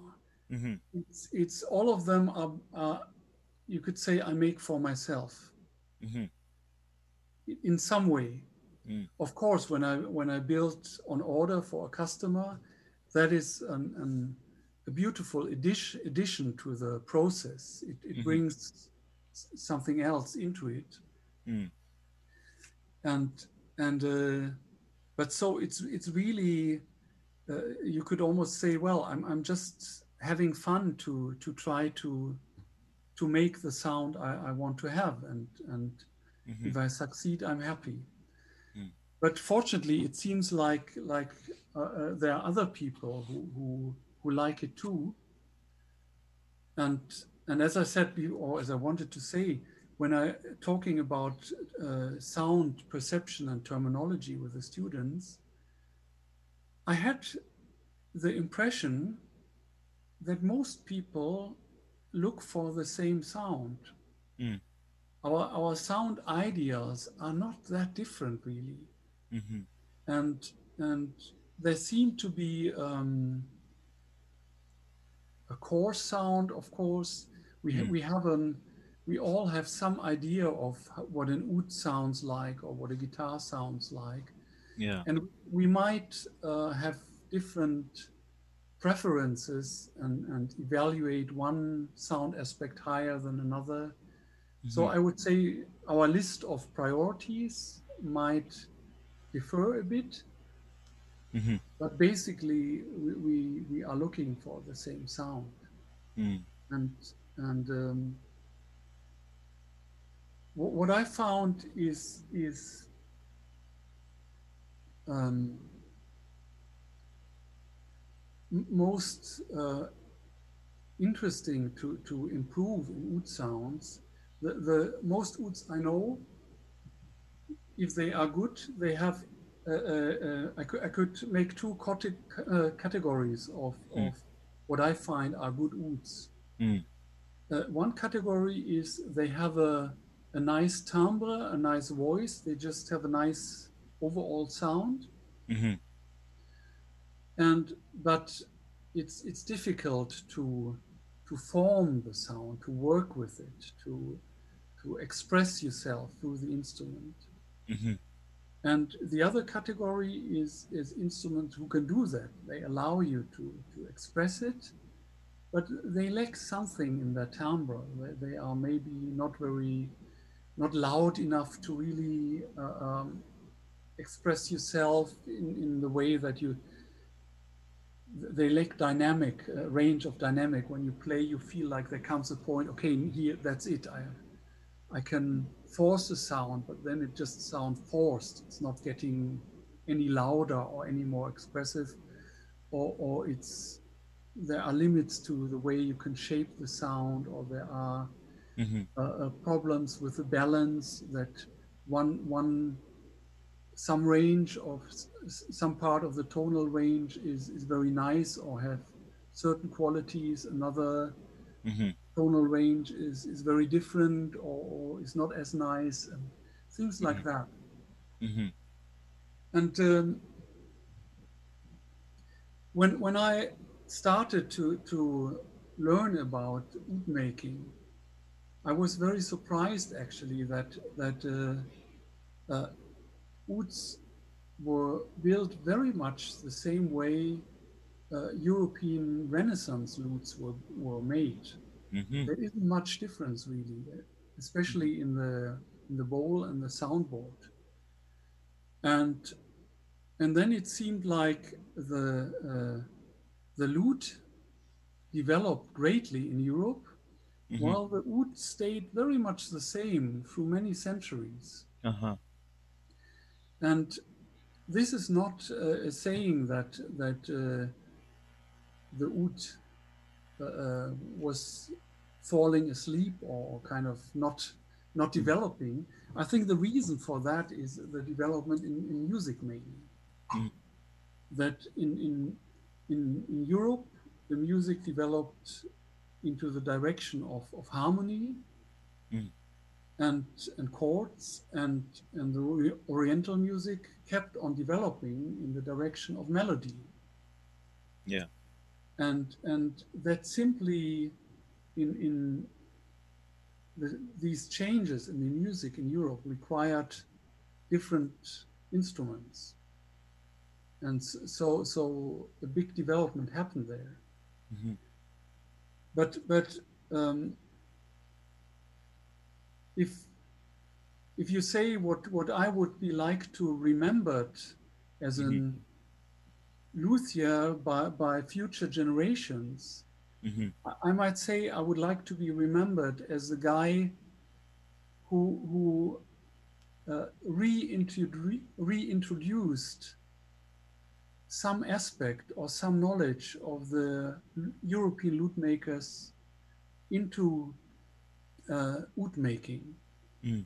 And that to me feels like uh, a closing of a circle because, as we all know, Mm. uh, it was the Arabs who brought the, the oud to, to Spain and then it was uh, played all over the place, and and uh, and at at some point uh, the lute appeared. It's it's actually I I tried to to find out uh, about this period of the uh, 14th and 15th century. Mhm. And we, we really have very little knowledge about that time. Suddenly, the, the European lute was there. Mhm. And we, we have these uh, famous pictures from, from old scriptures from the, uh, I believe it's the 13th century or 14th, the, the Cantigas de la Santa Maria from Spain, where you can see uh, um, Christian monks Mhm. playing the oud alongside uh, uh, with um, with Arabs or, or, or even African people, Mhm. and and uh, these pictures are, are giving proof of how how liberal things were in, in those time in Spain. It must have been very culturally fantastic time. Mm. Actually, a bit later than Ziryab, but but. Uh, Yeah. Interesting. he was at the beginning of that that period, of course. And and uh, by the way, um, since you mentioned uh, uh, once the the uh, credibility of or the content of old scriptures, Mhm. uh, uh, it it there is the, the f- very first document we have about European lute making. It's it's very famous. It's from around uh, 1450 Christian calendar, Yeah. 15th century, by by uh, Arnaud de Zwolle from the Netherlands. It's it's a quite ubiquitous all over this this drawing from his his um, paper and uh, um, this was always taken as as a proof okay this is how they built the the very pre-renaissance late medieval uh, Mhm. lutes and there is uh, um, a very interesting article uh, written by, by a great uh, lute maker from England. Uh, David Van Edwards is his name, I believe, if I remember correctly. I can give a link to, to that article. Yeah. Uh, he actually made a brilliant analysis of this uh, um, drawing, and he came up with a very conclusive explanation, in, in, in my opinion, uh, uh, showing that probably Arnaud de Zwolle uh, got it wrong and, and probably mistook an information he had gotten Mhm. uh, which which uh, uh, resulted in, in in his drawing to be faulty Mhm. because it doesn't fit with with all any other paintings or pictures of, of lutes from that time and and that is an excellent example where where uh, uh, I, I think it's it's very important to study all the old scriptures and anything we, can find Mhm. but but um, always use common sense Yeah. and and this is uh, another example this this um, brilliant work work from from David van Edwards Mhm. is, is was possible because he he also had knowledge from different sides he, he worked as a historian but he also had the knowledge of an instrument maker Mhm. and and and that allowed him to to pause and say okay there's something wrong here Mhm. which the historian would have never realized but because he was both he could see it That's why we want more of the polymaths. yes i think that's uh, uh, actually as far as i know it has been reintroduced in in european university that it's possible to to to study um, universal science i don't know exactly how they call it but Mhm. it's basically this idea Mm. and and I think it's it's a beautiful idea. Interesting. I'm really enjoying our discussion, really, uh, Sebastian. I'm happy. And I, I would be greedy to go back to a point you mentioned uh, just a little uh, uh, back when you mentioned about the perfect or the good instrument and you gave the two factors of lute. yeah. Can we discuss the same thing about the violin, the guitar, the viola? Um, well, well, yes, of course. I'm I'm I'm not very knowledgeable about uh, uh, both instruments, but but a, a, a point which always strikes me is is um, the these instruments, the the bow instruments of the violin family, Mm. they have, um, in my opinion, reached a degree of of perfection which I think cannot be um, improved upon really. Mhm. And this perfection for me is is defined by uh, a perfect harmony of of the concept of of uh, form follows function Mhm. and and there is a, a, a, everything in in that concept makes sense Mhm. and I can see a similar perfection in the lute family, in the oud, in the European lutes. Mhm. I can see that perfection, for example, in, in the guitar. Mm. And the guitar for me is, is I sometimes call it the, uh, the instrument of contradiction. And the, the reason for that is that the mainly the classical guitar, but also the steel string guitar, Mm. it it it aims for a sound which is not in its nature. It aims for a, a, a lasting sound, a sustained sound. Mm. But the sound of the of any plucked instrument is is limited, very limited in time by Mhm. by by its nature, by By design. Mm. Yeah, you, you pluck, and that's all the energy you have. With a Mm. bowed instrument, you can eternally in, introduce more energy into the system by, by using the bow Yeah. and and create an endless sound. Mhm. And with the flute, it's, it's similar. Mhm. And but with the guitar, it's uh, sustain is is uh, um, an aspect very demanded by the guitarists by, Mm. by uh, and, and and but it's against its nature and and and you could say a, a lot of uh, everything in guitar making is pivots around trying to to to solve the contradiction of a, of building an instrument which is both stable enough to Mhm. to to hold the strings but uh, movable flexible enough to allow uh, um, a sound which is is more flute-like and sustained Mm. and with other plucked instruments, this is not the case. With um, uh, um, ouds, with lutes, an extreme example would be the banjo. The percussive element is, is very pronounced, Mhm. and it's not trying to hide it. It's just the sound it has. So, so uh, in, in all plucked instruments, the percussive aspect of sound is there and is characteristic for, for its sound. Mhm. But you could say the, the classical guitar is trying to to hide it the most, and and the others don't. But but I'm I'm I'm going astray again.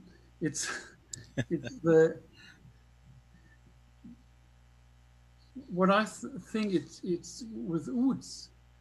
It is very attractive to have the possibility of more sustain. Mhm. So, so I'm also I'm I'm building ouds which which do have a, a, a lot of sustain, Mhm. but I don't want to hide the percussiveness. I want to to that, that the player is is capable of of kind of controlling the sustain if it's does, doesn't get too long because if it is you get all other problems of uh, too many notes uh, seeping into each other masking each other Mhm. and then you get uh, intonation problems and whatnot Yeah, especially for the melodic nature yeah for right. the ouds. Yeah, what about the viola, Sebastian? Uh, the viola is, it, I always say that if I would make any bowed instruments, it would be the viola because it's the least perfect of the violin Mm. family, in my opinion. The reason being that it's uh, um, actually a little bit too small for its tonal range. Mm. So the body it has, which is kind of um, can't be made much smaller uh, to play it in, in this position. Mhm. If it's uh, too big, it becomes impossible. And then, uh, well, we, we all know the cello is not played in such a position anymore. Yeah. So, so, um, but but for its tonal range, it's a bit too small, you could say, to put it simply. Mhm. And that makes it difficult to, to make a viola which really sounds good. They tend to sound all a bit nasal. And, and uh, it's, it's a, um, yeah, and, and that for me would be a, a challenge. And I, I like challenges. So, Mhm. so, so if I would build any instrument of that family, it, it, I would choose the viola. So that's the next problem, maybe. ah, I, don't know. Interesting. Uh, Sebastian, a few classified ouds you have seen, uh, including your own uh, made ouds, would you classify uh, the ones that really fall under what is accepted as a oud uh, uh, sound versus others? Because I see there is a lot of chaos in there, where people uh, introduce maybe more strings or maybe go below range, above range. Uh, sometimes for a personal preference, say let's have this kind of wood or this kind of material be there. You know, I, I'd like to just hear your opinion about all these things. Well, my opinion is that there is um, uh, some things, same as for the ideas in instrument making, some things make a lot of sense, others don't. Mhm. Uh, personally, for example, I, I, I don't like um, the Iraqi style oud with a floating bridge and a high F string. Mhm. That's just my, my personal opinion, of course. Mm. And but the reason is is uh, for me this F string is just uh, a bit too thin, too piercing in sound. I, I don't like the sound, and it's it's. Um, I, I think it would require a smaller body. It's Mm. it's like same with the violin and the viola. It's it's. Uh, uh, it has to to be in in proportion, or Mhm. the tonal range. Yeah. And so for me, the high F is, is a bit too too high, and, and I don't like that very much. Mhm. But I perfectly understand that many musicians like to play it because uh, in many cases, cases it, it makes uh, um, a lot of sense musically, Mm. and many things are easier to play if you have that high F string there. Mhm. So so I I absolutely understand if, if people play it. Mm. And uh, about the the tonal range, it's it's um, I'm very much in in in favor of rather going lower than going higher. Mhm. I very much like seven course ouds. Mhm. So so um, it's I- I don't know. May, maybe somebody has made a statistic or, or so, but I think in in uh, a hundred years ago, um, actually quite a proportion of the ouds that were played were seven course instruments. I think it was a lot more common then than it is now. Mhm. But but I'm not sure. Um, It's it would be interesting to to investigate. Yeah. and and uh, the reason why I like it is if you um, uh, extend the the tonal range uh, uh, in the bass. I just l- like the tonal space which is is created by that. It's it's just there is a, uh, yeah, it's it's simply a bit vaster, and, and I like that.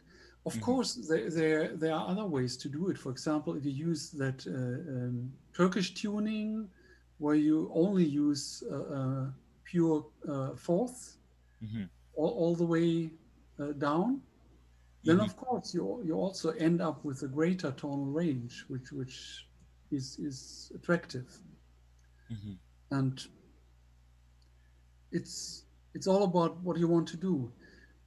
A, a problem when you have more strings in in ouds always is that that you have too too many resonances from the strings, Mm. and in the worst case you might end up with more damping Mm. Than than with actually playing. Hmm or you get intonation problems if you have from, from the open strings if, if you have uh, too many um, pure overtones but but you need a, a, in, in a certain makam hmm then, then it, it might sound strange or you have a problem and you need to, to dampen that strings and that, that can make things complicated. Exactly. Yeah. What what what I came up with is is I can show you here in in this oud. Um, what what I I, made is uh, it, has twelve strings. It's it's not. Uh, it, it starts with a C as a highest st- string, hmm and then it, it goes down. And currently, the lowest string is is an A hmm and and and that's it's not tuned now, but Yeah. it's, it's uh, really low. hmm And but as you can see, I left the two uh, uh, two, two basses single, hmm but it allows actually you can string it uh, uh, any way you like. You can have the the the this bass you can have it as a double string Yeah. and and then you have uh, 13 strings which most seven seven course ouds have. Hmm but but you can leave it like this which which i think works fine to have two single basses hmm or you could also ex- extend it in the treble. Hmm have a high f or whatever string you like and and and have the rest uh, in the normal tuning. Hmm So, so uh, I'm, I'm always in favor of, of creating as many possibilities for, for the musician on, on every level. To, to in, in the end, it should be uh, a tool for the musician to, to express hmm him or herself. And and in the best case, which I hope my instruments are, an inspiration to the musician. hmm And sometimes to to to be completely honest, uh, uh, also a challenge hmm because this is a um, it's, just inevitable. If you Mhm. create a, an instrument which gives the musician uh, uh, a lot of possibilities to shape the sound, Yeah. it also means the musician has to control these possibilities. Exactly. It's it's like a, a, a I, I sometimes use a comparison with with a racing car. hmm uh, it, it's like like if, if you have a, a racing car which is really built for maximum performance and and and somebody sits in the car who just learned to drive mm be very careful to put his foot on the accelerator because he just may, might lose control Yeah. And, and well, there, there are many examples. A nicer one is maybe with a really uh, uh, good horse or something, a sensitive horse. Mm. And and if you don't know what you're doing, you, can easily lose control, and and things can get ugly. The same, of course, is the case with a good instrument. hmm If it's capable of of uh, um, a lot of different sounds, you have to to control it. You have to know what you're doing. So that's another definition I would give to what an what a good instrument is. Mhm. That it is it's both an inspiration and a challenge to, to the musician. Interesting. But but it should be it should not be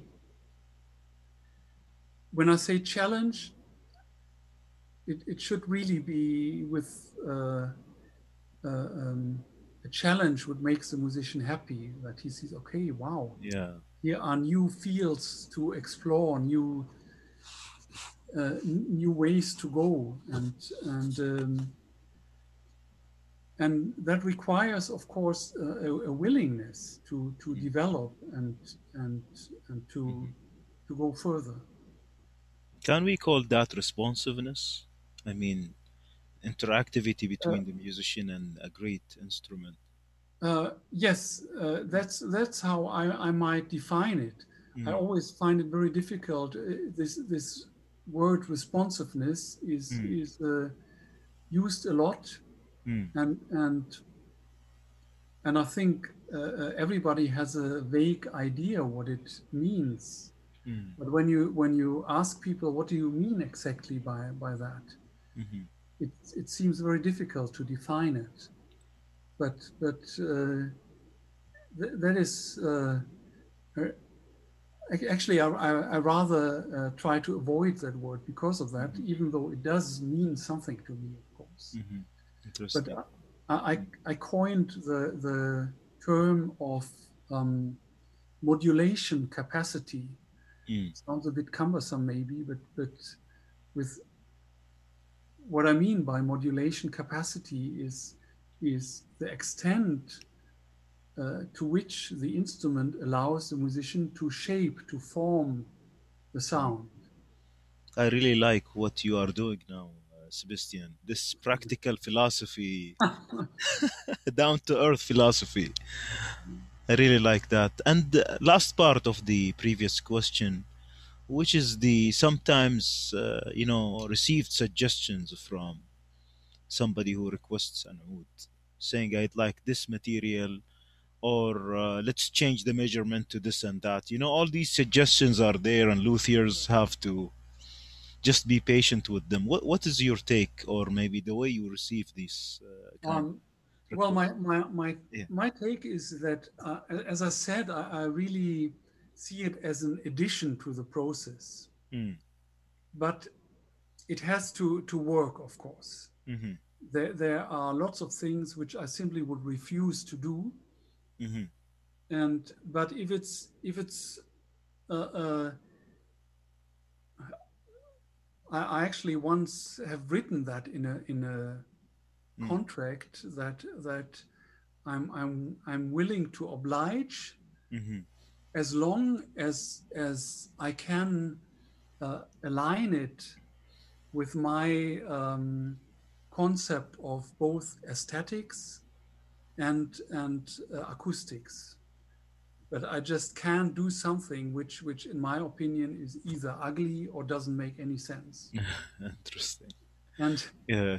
and so if if uh, my customer and, and me we if we come to an agreement it, it, it works. Mhm, but there have been several cases where where I really uh, uh, recomm- sent people to to a colleague of mine mhm, and and suggesting that I, I telling them I really believe uh, look at this guy talk to him.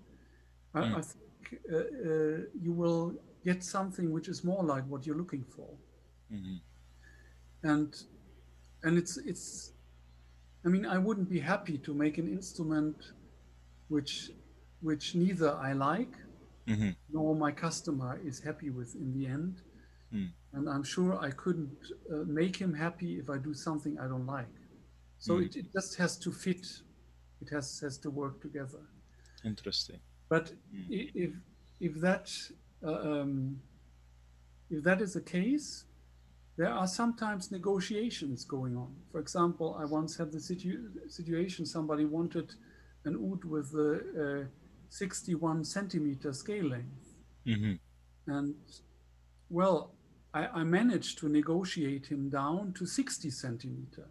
hmm And now he re- agrees with me that it's still too large, but but hmm uh, um I, I can do that, of course. hmm But but uh, of for example, for Mustafa, I made uh, 57 centimeter scalings because I, I know that's his preferred one. hmm So, so there's no problem to to oblige in such things. hmm and but my, my basic uh, uh, thing is it, it has to somehow fit with my basic ideas about sound and about aesthetics hmm if it's something completely different i, I don't think it would make make sense it's it's better to find another maker who who, who is building such things Interesting. Uh, two last questions about instruments and your Yeah. About strings and uh, uh, you know picks. You know you have for sure seen a great exposure of uh, of uh, you know plucked instruments. What is a good pick and what is a good instrument for such roots? I'm not talking about brands here. yeah Yeah. I, I wish I knew. I mean, it it the pick, the the Risha or Misrab hmm is, uh, I think it's the most personal thing. It has to Mm. to fit with your your style of playing and and the sound you want to achieve. hmm And um, I, I make my my my own picks hmm with uh, mostly from from uh, buffalo horn. Mm.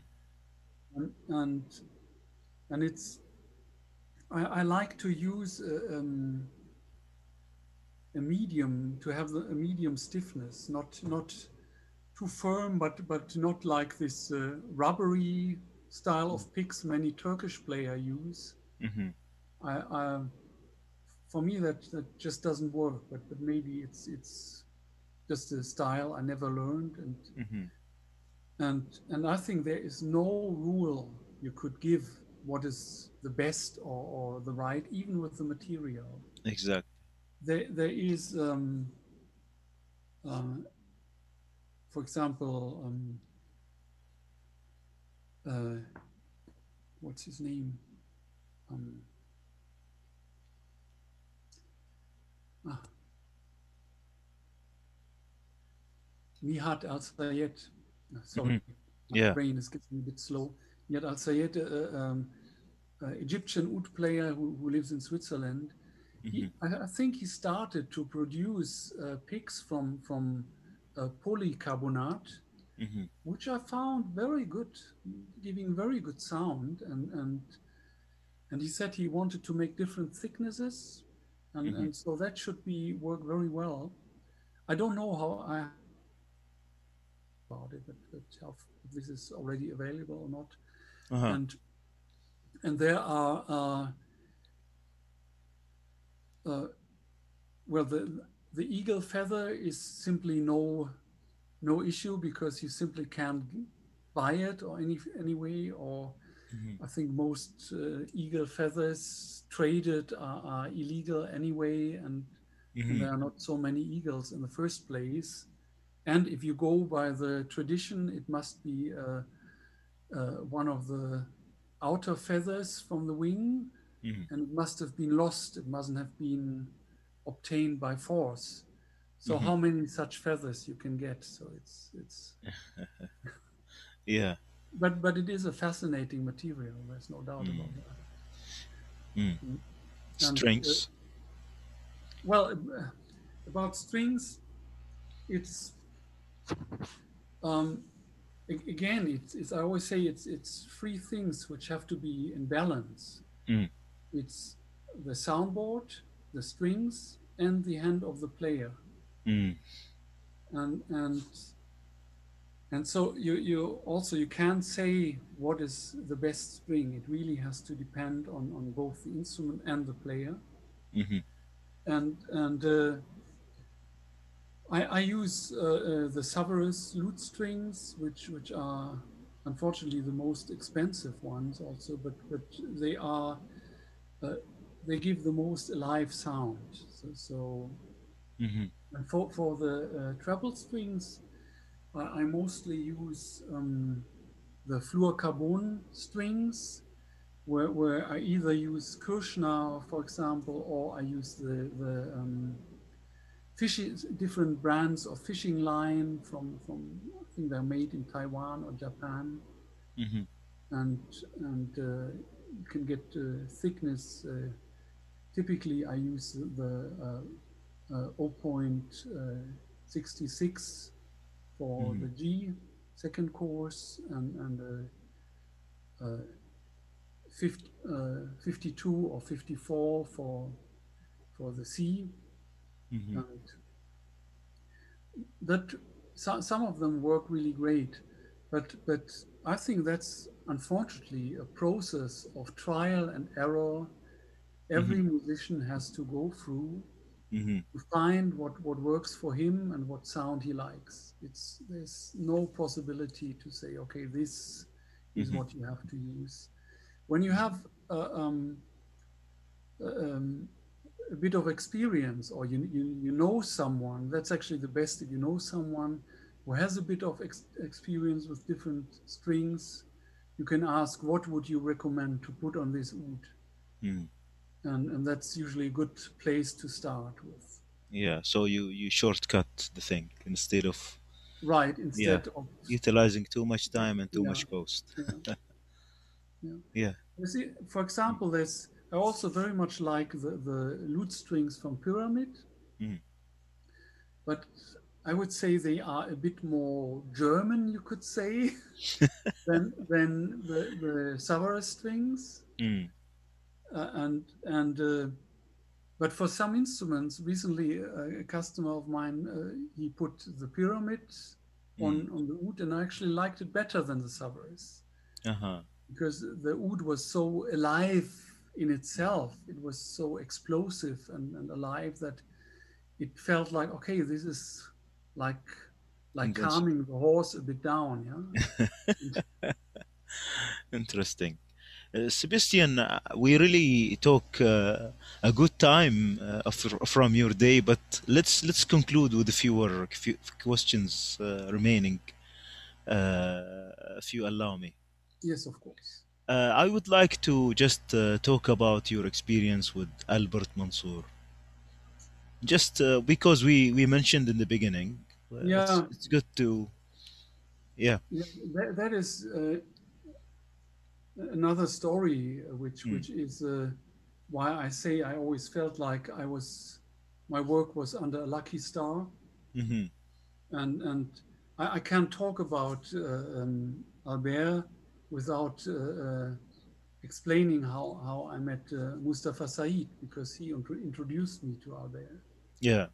and and that was actually that that uh, when when I I made this very first oud for the man who lived in the same village, and accidentally, and uh, uh, this man he, he he took part in in a workshop in Mannheim hmm uh, uh, two years later uh, when after I finished the, his oud. I, I think that must have been in 2013 hmm and and Mustafa liked the oud very much and he asked to to try it. And and then then he, he asked uh, uh, who, who made it. Mhm. and of course he had never heard my name. Hmm and and then his Mustafa said uh, well I, I don't know who this guy is but he has the potential to make the best ouds in the world. Hmm and please tell him to to to if he wants he, he may contact me and i can give him recommendations what could be improved.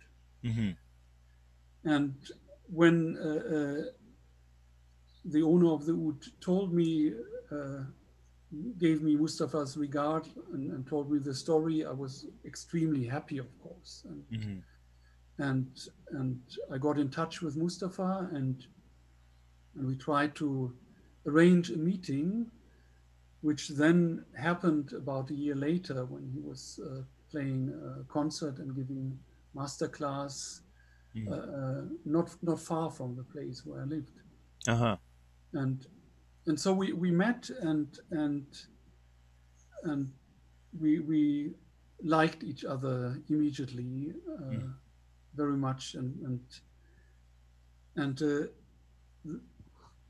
and it was a, a, a he had uh, two ouds from Albert Mansour with him Mhm. and that was for me a, a, a revelation because these were the ouds I had been searching for when I was trying to find a model Mm. uh, uh, to use for, for my own instrument, something to start with and to, to go by. Mhm. We we come back to copying. Of course, there, there Mhm. always is an element of copying as well. You Yeah. see what has been done before you and what, what are the others doing. Mhm. And I could immediately see that uh, uh, Albert and, and I had some ideas in common Mhm. about uh, the oud shape and looks and and uh, he also most of his ouds only have one sound hole and and uh, so I was very happy to see, to see these ouds Mhm. and, and then Mustafa told me that uh, Albert was always having difficulties to to find good spruce for his soundboards Mhm. and then I said, well, I'm, I could help. I'm, I'm practically living near the source. Mhm. And I asked if he was still there the next day. And, and so the next day I came back and brought him a few soundboards to take with him to, to Beirut. Uh huh. And he invited me to visit him in, in Lebanon. And but a few weeks later, we met again in, when he was teaching in Mannheim. Mhm. and I, I again brought him uh, some soundboards for to take to, to Albert, and he, he insisted on me coming to Lebanon, and, and I said, yeah, I, I really would like to soon. When I come, I will bring a soundboard full of wood Mhm. to, to, to bring to, to Albert, Yeah. and and that's what I did about half a year later or so. And I was very anxious, I, I have to say, to, to, to meet him because I was well aware that um, there is an aspect in instrument making, uh, this chain I mentioned earlier. Mm. There is something you could uh, uh, call um, a lineage. Mm. Is it lineage or lineage? Uh, uh, lineage, Yeah. I guess. I never know Mhm. and of tradition Yeah. And i i was i felt that in in my guitar making i was taught in munich and munich has been a capital of of instrument making in, in europe and especially of guitar making and and there was a long standing tradition of which i was a part Mhm. but I was well aware that I was lacking this in, in oud making. And, and so I was secretly, you could say, hoping to somehow connect to a, a lineage in oud making. Mhm. And with this idea in mind, I also came to, to Lebanon and was very happy to meet uh, an oud maker who, no doubt, is standing in such a tradition. Mhm. And and with Albert, it was uh, we, we went to his workshop straight from the airport, Mm. and and it was also really friendship on first sight. We we just Mhm. I think liked each other a lot, and Mhm. and uh, and when when uh, when I left, uh, uh, I know I think it was the next day. I'm, I'm not sure anymore. Mhm. We came back to his workshop, and then he said, uh, "Sebastian, while you're here, why don't you work with me?" Mhm. And then I I I, I, I was at his workshop without Mustafa. Then now when I came back to Mustafa, I told him, "Sorry, the tourist program is cancelled. I have to work." because we had made plans to go to the beach, to go to the cedar Yeah. trees, to go here and there, and Yes. Yeah. And but I said no, sorry, cancelled. I have to work. Mhm.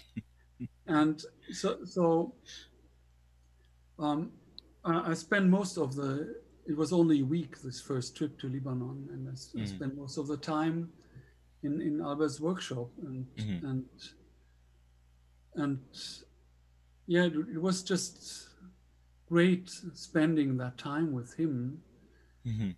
and and uh, and uh, well, uh, uh, as far as I, I was kind of hoping to get his blessings Mhm. for oud making to Mm. become part of such a lineage. Mhm. And when I was sitting in the plane going back to Germany, I, I just thought, boy, did you get that blessing? Because it was really, it was not, I on- didn't feel like he gave it to me. Uh, it was really like he showered me with it. And, Mhm. and he's such a wonderful person and so loving and generous, and which also reflects in his instruments, of course Yeah. and so we, we became really good friends and, and kept uh, exchanging messages and pictures of what we were working on, what we were doing, and exchanging our ideas. And and then one day he said, uh, uh, "Well, why don't you come next year and we make an oud together?" Wow. And then I said, "That's a lovely idea," and Mm. and and uh, and we started planning and preparing, and and uh, when when uh, Mustafa heard about that idea, Mhm. immediately said, "I want to have this oud. It's mine." and he asked for actually some some specifications Yeah. another story i hope i, I can tell it correctly that Mhm. uh, he asked for the oud to be made the bowl to be made from padauk Mhm. and and for the finger fingerboard to be from ivory Mhm. the story is that when when he was a a 12 year old boy i believe Mhm. uh, he the the oud um, Muhammad al Khasabji played Yeah. most of the time Mhm. was auctioned in Cairo, Mm. and it was uh, uh, uh, displayed for people to look and try before making a bid. Mhm. So Mustafa went there and played it, and he, he told me it was told for something like two hundred. It was auctioned for something two hundred dollars or something like that. Mhm. And he said at the time he couldn't have paid two two dollars even. He was a, a, a, blind, poor kid Mhm. living in the streets of Cairo, basically. Mhm. But he said it's two things stayed in his memory. One was a sound, Mm. And one was the touch, the feel of this fingerboard. Mhm. And so, well, you know Mustafa, so you you know there was no other way than obliging. Mhm. And, Yeah. and I, said- I said, okay, I, I, I'll get you an ivory fingerboard, but it's I'll, I'll do that only once. Mhm. It has to be from from old stock. I Mm. don't want any elephant to die for it. Mm. And actually, there is here in Germany there are still most people don't know, but there are still tons Mm. of old ivory because it was im- imported in really big quantities before the time of plastics. Mhm. And uh, uh, there is uh, um, a lot of items which later were, were made of, of plastic or um, what was the name of, of this very earliest um, well doesn't matter Mhm. uh, they, they used ivory for that Mhm. and and uh, and from from that stock from from the last or actually before last century there Mhm. still is is a, a lot there Mm. and, and so so I bought some and and got it uh, uh, a CITES certificate for it that it's old and legal and all that Yeah. and and prepared uh, uh, the ribs and and a lot of material for for uh, for this oud and, and then traveled to Beirut hmm and for two weeks and we built that oud and Wow. Mm. we, we managed to finish it. It, it was my, my my my flight back to Germany left. We had to leave for the airport at four in the morning, hmm and till till two in the night I was uh, uh, still working last touches on the varnish. Wow. but Yeah, I have seen that oud release. So great, and the sound is so unique. Thank you very Yeah. much. It's it's really a very unique instrument. Mm. And, and I would say that it's an instrument which really reflects both Albert Mansour's and, and my own work and ideas. I, I Mm. don't think uh, um, uh, either of us could have built it alone. hmm It's, it, it's really a wonderful example of a cooperation of, of two instrument makers, Mm. which is quite a rare thing actually. In, in, Yeah, and that's the lineage and the blessing.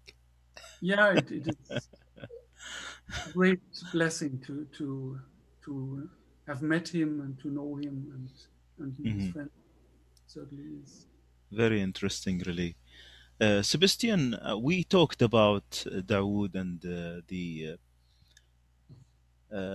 flexibility and giving the musician a challenge, but a little comment or maybe elaboration into considering the intended culture that the oud will be played in, right? The Mm. music. Uh, that will will uh, for sure uh, bring the tuning, how many instruments, the intervals between the strings, uh, and maybe you have highlighted a bit about two uh, single stringed uh, Mhm. bass notes. So a little bit of elaboration into this part, considering the culture, the target culture. Uh, well, that's that's a, a very interesting question, Mm. and um, I, I don't I, I doubt that I can say much about it because uh, I think there are a lot of people who, who could Mhm, say more interesting things in uh, about that topic. But but mhm, um, generally, I, I believe uh, the best days for the oud might still come. They mhm, might still be ahead of us. mhm, And I only hope that that um, the musical culture of, of the East or the so-called East mhm, is is um, surviving and not only surviving but actually developing and growing mhm, and, and being appreciated more and more. I, I find it very sad to see uh, um, musicians coming from an Oriental background mhm, losing their musical cultures when, when they come to, to Western countries, Mm. which, which unfortunately happens a lot. And, and it's quite obvious why it happens because when they start playing with, with Western musicians, very often in the field of jazz, mhm, these musicians they they, they don't have the uh, the understanding of modal music. Mhm, and and um, and and so so I think it really needs an effort to to um, to to create a, a greater awareness in in the West for the beauty of of modal music for this mhm, from the Western perspe- perspective other world of music you could say. mhm, I think it's it's it's really like like uh, uh, two worlds, this melodic world of Yeah. modal music, you could say, and the harmonic world. Even though there are some attempts to to merge them, and and to some extent that is very interesting, but but obviously in the end it's not really possible. yeah, But but it's um, I, I think all will depend on how much uh, uh, the modal music can survive in the modern world. hmm And and uh, uh, because uh, let me say the other way around. hmm In I, I think the, the classical guitar would have never been a successful instrument without the the introduction of equal temperament in Western music. hmm In the uh, early 19th, 19th century, most of the musicians were not willing to accept uh, uh, equal temperament as to, to play music in. hmm And, and that means uh, uh, fixed frets were no option.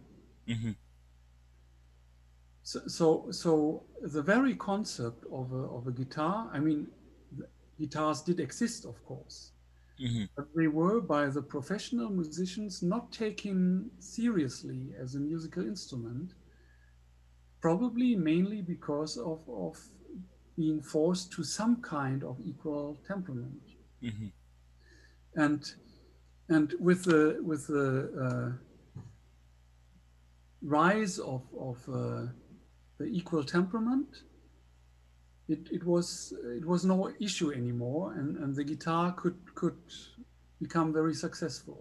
hmm There was, in fact, then there, there were several hypes, especially uh, uh, in Austria. Uh, the guitar was so popular that Franz Schubert, for example, he, he published many of, of his, um, his songs, the, the compositions where he, he wrote music for, for poems, Yeah. song. Mhm. He published them first for the guitar and only later handed in a, a, a piano version. Uh-huh. And that shows how popular the guitar was in that time. Mm. But I think that was only possible with the acceptance of, of equal temperament. Mhm. So, uh, uh, what I'm saying is the same might happen the other way. The oud might be endangered, or any such instruments might be endangered of extinction if modal music disappears. Mhm. And so, in my opinion, uh, uh, all possible support should be should be given to the education in, in that music, and and I think that's very important. Mhm. And I mean, there are, are some places, some people who, who are doing that. Uh, uh, the the um, labyrinth musical workshops from Ross Daly uh, is Yeah. a very great example. I think it's Mhm. Can't be uh, overestimated what what he has done there for the survival of, of modal music Mhm. and and of course uh, uh, people like like Mustafa Said or so who are not only great musicians but also great uh, musicologists Mhm. Onigar Buban for that matter it's Yeah. it's and, and I hope that their work is is perceived and and also taken up by the musician. But uh, um, well actually re- re- reminds me of a very sarcastic joke Mustafa once made saying that the problem is we have more oud players than audience Mhm. yeah. and that there is some truth in it too of course Mm. so it's it's it's it's like with with uh, uh, shopping we we have uh, there's a lot of power in the consumer Mhm. so, so if the audience is there then then these musicians can survive if Mhm. if it isn't it it is bound to die sooner or later and i hope it won't Yeah. but I, I, I'm, I want to think positive, and I really uh, uh, think that the best days for the oud are yet to come. Yeah. I think this music is being more appreciated now with the efforts you mentioned and the efforts of many others that maybe are limited to a certain culture or inside Yeah. cultures, like not being seen by uh, uh, different cultures, like in Europe or in the States. But I agree, like there is a lot of efforts to come and uh, maybe greater days of oud to come Yeah. Uh, sebastian what are the future projects and challenges you are working on Oh, there are several. Actually, one project I have in mind for quite some time now, Mhm. for exactly that purpose, is I Mm. want to to make a, a, a, a- or I would like to make a, a, a tour Mm. with a concert lecture Mm. with under the working title "Meet the Oud."